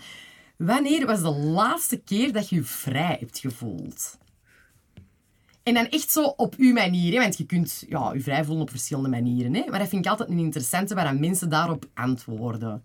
Wanneer was de laatste keer dat jij je vrij hebt Ja, ik heb daar heel hard over nagedacht. Een heel stom moment, waardoor ik echt heb beseft, voor mij is vrijheid, want ik ben best wel een vrije, um, als ik controle kan loslaten. Want ik durf dat niet en ik kan dat niet. Dus ik heb, als ik bijvoorbeeld te veel drink, ik wil naar huis. Ik haat dat gevoel dat ik het niet meer onder controle heb. Drugs, nooit geprobeerd. Ik wil het niet weten. Gewoon het idee dat ik dat daar niet meer onder controle heb, dat ik kan stoppen wanneer ik wil, kan dat niet aan. Hè. Dus alles zo rollercoasters, whatever, vroeger allemaal gedaan onder groepsdruk. Maar als ik mij echt laat kiezen, doe ik dat allemaal niet. En um, dus vrij zijn voor mij, ik voel mij vrij op veel dingen. Maar ik heb over laatst een kei vrij moment gehad. Dat was echt gestoord. Want vroeger heb ik dat wel nog zo gehad met uitgaan. Zo ergens staan en zo goede muziek en er is gewoon niks anders aan de hand dan dat. Dat is voor mij vrij zijn, is zo een soort vacuüm, zo gelijk in Stranger Things, zo the void. Zo gewoon, je zei, oh, bam, oké, er is niks. Dat. Um, en de laatste keer dat ik dat heb gehad, was dus in een Efteling. Ik was met mijn kinderen naar de Efteling en uh, Nathan die wou wel zo allemaal van die dingen doen. Dus dat, ja, ik kon dat ook niet zoals mama. Zo. Ik wou dat dan allemaal meedoen, want ik ben ook cool, en niet alleen papa. Ik doe dat ook allemaal mee. dus oké, op een bepaald moment staan we dus met ons vieren voor eigenlijk toch wel een hevige rollercoaster. Allee, zo echt wel niet echt voor kindjes per se. Wij komen er toe met vier, voor in zo'n kerkje te gaan met vier. En Phoenix was niet groot genoeg voor onder dat ding. Dus ik moest over dat ding stappen naar de andere kant, omdat wij dus niet mee konden. Dus Steven en Nathan doen dat alleen. Dus ik terug mijn kinderachtige zelf. En nu heeft Nathan dat met, met zijn papa gedaan. En ik wil dat hij dat met mij doet. Ik wou er ook bij zijn. Mega FOMO ook altijd. Dus uh, die komen terug en ik zeg tegen Nathan, blijf zitten, ik wissel met papa. Maar die stapt uit en ik zit daar alleen in. Dat ding vertrekt, maar ik doe dat niet graag. Hè. Ik wou dat echt gewoon doen voor Nathan en voor het moment dat ik dat ook had gedaan. Dus ik zo, oh my god, oh my god. Dus oké, dat schiet af. Maar ik heb ook zo, hoe noemt dat? Zo fotosensitief. Ik heb geen epilepsie, hè. Maar, dus dat was met stroboscopen en ik raak toverig. Allee, ik voelde mij echt helemaal niet goed. Dat ging naar boven en naar beneden. Die was zo out of control voor mij. Dat. En ik had ineens zoiets van... Ik wil mijn handen omhoog doen. Ik wil dat echt absorberen, dat dat helemaal binnenkomt. Dus ik op dat hoogste stuk naar beneden. En ik voelde dat echt zo in heel mijn lijf. Ik kwam eruit. Ik was precies een andere mens. ik, had, ik denk dat dat is... Oké, okay, want voor mij was dat al met dat. Maar ik denk dat dat is waar mensen die uit een vliegtuig springen of zo. Ik heb daar zo een kick van gekregen. Gewoon van kon daar niet meer uit. Dus ik moest mee met dat ding. Dat was alles wat ik niet wou doen. Maar ik moest mij overgeven aan dat systeem. En dat staat zo ver van alles in mijn leven. Want ik doe eigenlijk niks waar ik geen controle over heb. Dus dat was zo even... Ja, en ik heb er al vaak aan teruggedacht, aan dat gevoel. Zo, weet je, dat leeg gevoel in je maag. Zo ineens voel je zo... Ja, ik kan het niet uitleggen. Als iets heel rap gaat of zo, dat ook. Hè? Of op een schommel. Ja, dat gaat nu niet rap, maar je weet wat ik bedoel. Ja, en zo van... Maar ik drie dat niet, ik heb dat toch gedaan? Wow. Ja, zo dat. Ja, dat is echt zo de laatste keer dat ik me echt zo los van alles heb gevoeld. Ik zat ook alleen, hè. Zo, ik was niet mama, ik was ook niet... Ik had echt zo... Ja, Sophie zat in de rollercoaster. ik heb uh, vorig jaar mijn skydive-licentie gehaald. Maar dat je dat durft, ik krijg al zweet als ik er nog maar ah, aan denk. Maar wat heel grappig is, dat je zegt... Iedereen denkt dat je veel kriebel in buik hebt, maar dat is niet. Maar wat heb je dan wel? Ja, je, je, dus je vliegtuig gaat tegen een bepaalde snelheid al. En jij springt eruit terwijl dat, dat vliegtuig zo snel aan het gaan is. Dus natuurlijk, dat vertraagt wel een beetje, maar je relatieve snelheid is al super hoog. Ja. Dus die kriebel in buik is niet. Je valt zelfs precies op de lucht. Ah ja. Want je valt minder snel dan dat je vliegtuig aan het gaan is. Dus, ja, dus, maar uh... gewoon al het feit dat die renner beslist wanneer we gaan springen, kan ik al niet aan, hè? Want die springt en gangt eraan, hè? Ah, nee, nee, ik heb zelf... Ges ik heb ah, oké. Okay. Want vaak zit op zo met iemand dat, dat achter je, hangt. Je kunt vanaf de eerste keer alleen... Ah, wel, ik moet, dat, dat is wel... Dat kan ik wel niet ontkennen. Ik had echt zoiets van, nee, een dubbelsprong, daar ben ah, wel, nee, want dan, en maar, maar alleen wel, doen, dan foppen die u zo. Dat had ik ook. Hè. Zo, ja, we springen op drie en dan springt hij op twee. Maar dan, ja, maar, dat is omdat ze niet willen dat je tegenhoudt. Ja, ik weet het, maar daar krijg ik zoveel stress van, hè. Nee, je kunt, van, je kunt vanaf de eerste keer alleen springen. Dat is dan met twee uh, oh ja, nee, maar ik durf dat trainers. Niet. Nee, ik durf dat echt niet. Allee, en ik heb die behoefte nog niet, denk ik. Nee, ik durf dat echt niet. Zo het is wel echt een, een IFF, is wel een aanrader. Het is wel echt uh, heel... Voelde je inderdaad ook zeer vrij. Ja. um, deze is uh, een Curiosity podcast. Ja. Um, waar zijn ze zelf het meest curieus naar? Ik ben kei curieus in mijn kinderen hoe gaan die... Allee, ik hoop dat ik ook altijd gezond mag zijn. altijd, hé, tot op een zekere leeftijd gezond mag zijn. Dat ik zo kan zien, wat voor volwassenen gaan dat worden? Hoe gaan die zijn? Uh, hoe gaan die kinderen zijn? Hoe gaan... Ik heb zo heel veel curiositeit naar zo alles wat achter mij komt. Zo. Yeah. Omdat ik toch wel vind, zo, je kinderen zijn echt zo... Allee, dat is niet echt je eigen product, maar je weet wat ik bedoel. Want die hebben natuurlijk ook nog hun eigen allee, zijn en willetje en heel een bazaar. Maar het is toch zo wel... Ja, dat is de toekomst. Heel in uw kleine cirkel, want dat is natuurlijk niet de toekomst van de wereld, maar zo, ik vind dat wel heel interessant. Wat gaat die in uw gedachtegang zijn? Gaan die... Ja, die hebben allemaal andere challenges dan dat wij hebben gehad, hè? Bij ons was het misschien van, oh ja, ben ik, ben, ik, ben ik gay of niet? Ga ik uit de kast komen of niet? En bij u is dat al zodanig ver van, ja, ben ik gewoon het dan? Dat ik zo denk van, oh wauw, ik vond me eigenlijk al kei modern. Ik was al helemaal voorbereid. Oh, als dat is, dat maakt niet uit, hè, want ik ben van de generatie dat ik dat helemaal oké vind. Hè. En dan denk ik, ah ja, dan komt dit zo. Wat vind ik daar eigenlijk? Alleen zo, weet je, en dat vind ik, je wordt heel een tijd meegetriggerd in de wereld van morgen door die kinderen, hè. Ja, ja, absoluut. Allee, via die kinderen. Dus dat vind ik, dat is wel iets aan mij, dat ik, dat ik heel curieus naar ben. Cool, leuk. Welke challenge heb je voor mij en iedereen dat luistert? Een challenge, ja. Ik denk gewoon, um, waar ik iets heel belangrijk vind... Ja, een challenge is, bedoelde dan echt zo'n uitdaging waar het durven of doen? Of gewoon zo een... Goh, er zijn al heel veel challenges geweest. Er, is, ik zal een challenge geweest waarbij de, eh, eh, gasten zeiden van uh, het volgende keer als er iets op uw pad verschijnt, veeg dan eens eerst voor uw eigen deur. Ah ja, ah, wel. Oké, maar dan weet ik het. Ehm, ik denk een hele goede challenge is, als je iets wilt, visualize het en leeft alsof het al is. Dat doe ik kei vaak. En oké, dat is ook wel een beetje theater, maar dat werkt wel. Want ik heb er al veel boeken over gelezen. Als je dus je mind kraakt naar hetgeen dat het is, beginnen al je gewoontes zich ook aan te passen naar dat ding. Oké, dat gebeurt niet op 48 uur, je moet het dan wel even volhouden. Maar um, ik vind dat wel... Ik kan dat bijvoorbeeld keihard hebben, zo met... Um, hoe is... Ja, en succesvol is voor iedereen anders. Hè? Maar dus, hoe is iemand succesvol? Dan denk ik van, oké, bon, met zo'n vuile, rommelige bureau kun je dan niet succesvol zijn. Kon je al eens opruimen, want iemand... Als ik echt zo bedrijfsleider ben, dan moet ik toch wel een clean desk hebben. Hè? Want nu is het zo, allez, bon, je kunt nog van heel de week zien waar ik heb gegeten. Hè? Maar allez, dat is soms echt een stort. Of zo, dan ga ik naar de carwash, is mijn auto prover, want dat is ook altijd een stort. Of dan denk ik zo, um, ik moet een beetje rustiger zijn. Oké, hoe zou iemand rustig dit benaderen? En dan begin ik echt zo ja, een rol te spelen. Voor mijn eigen, hè? niet bij andere nee, mensen, want dat zou heel raar zijn. maar ook ineens zo'n andere stem en zo. Nee, nee, maar um, ik vind dat dat keihard werkt. Ik vind dat mega uitdaging om dus echt te doen van oké, het is niet hoe dat je het wilt, fijn. Vanaf nu ga je gewoon doen alsof dat dat zo is. En dan moet je zien hoe lang het dat duurt voordat dat ongeveer zo begint te shiften. Nice. Denk ik wel. Ja, ja, ik geloof daar ook keihard in, denk ik. Dat, is kei leuk. Ik dat wel niet altijd vol, echt jammer. Maar doen dat wel vaak, hè? Ja, ik denk vooral... Uh, zo, allez, voor mij heeft dat heel hard gewerkt. Denk aan de persoon dat je wilt worden. Ja. En maak beslissingen hoe dat die ja. persoon... En wel, zo ook alsof doen. Hè? Zo een, een, personage aannemen. Zo. Ja. ja. totdat je dat op het moment wel gewoon zei. Hè? Ja. Dat is wel nice. Absoluut. Wat zijn drie boeken dat je aanraadt om te lezen en waarom? Ja, ik heb vroeger heel veel gelezen. Nu de laatste tijd als mama. En ik weet dat het een beetje een excuus is, hetzelfde als met sporten. Maar ik heb al heel lang niet meer gelezen, want dat lukt precies alleen maar op vakantie. En dan als ik dan op vakantie ben, heb ik al zo lang niet meer gelezen dat ik dan toch weer zo met een telefoon neem. En, het is echt wel jammer, maar toch, drie boeken. Ik heb um, Untamed opgeschreven. Vond ik een hele goede boek, omdat dat zo echt allee, wel over het leven en levenslessen en wijsheid en zo gaat. En echt wel op een toffe manier geschreven is. Um, ik heb The Company of One opgeschreven. Uh, omdat ik dat een interessante vind, uh, omdat hij wel matcht met ja, mijn Company of One dan. Vond ik een hele interessante. Um, dat het, dit gaat eigenlijk vooral echt zo over groter is niet altijd meer. Groter is gewoon optimalisatie, structuur, allemaal zo'n dingen eigenlijk een hele goede boek. Heel dun boekje ook, heb gelezen. En een tijd geleden aanbevolen gekregen van een vriendin, maar het heeft echt de belachelijkste cover ever. Dus het is wel een beetje gênant. Rich as Fuck. Dat is een kei goede boek, maar die cover is zo heel legally blonde. Zo, allee, wel een beetje jammer, want ze hadden dat weer... Ze hadden dat een andere cover moeten geven, vind ik. En dat zo'n vrouw dan in een bad met geld ziet. En, ach, allez, ik, moet dat, ik vouw dat dan wel om, dat mensen niet zien dat ik die een boek aan het lezen zijn. Um, maar dan is dat zo van, nou ziet die blonden een boek lezen over blonden of zo. Allee, ja, die weten dan zo niet wat ik aan het lezen ben. Hè.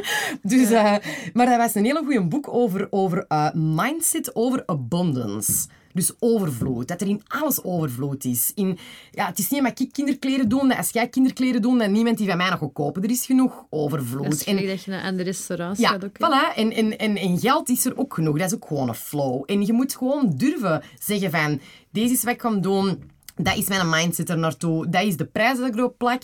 Want dat was in die boeken een hele goeie. Want ik heb vrij veel vrienden en vriendinnen in de creatieve sector. Bijvoorbeeld grafische vormgevers, fotografen, make-up artists, bla bla. Heel simpel voorbeeld. Als jij denkt van... Ah, ja, ik ben schminkster, ja, ik ben eigenlijk wel keigoed, maar ben ik eigenlijk wel keigoed? Want ja, ik heb natuurlijk nog niet echt een grote portfolio, maar ja, iedereen moet beginnen ergens aan een portfolio.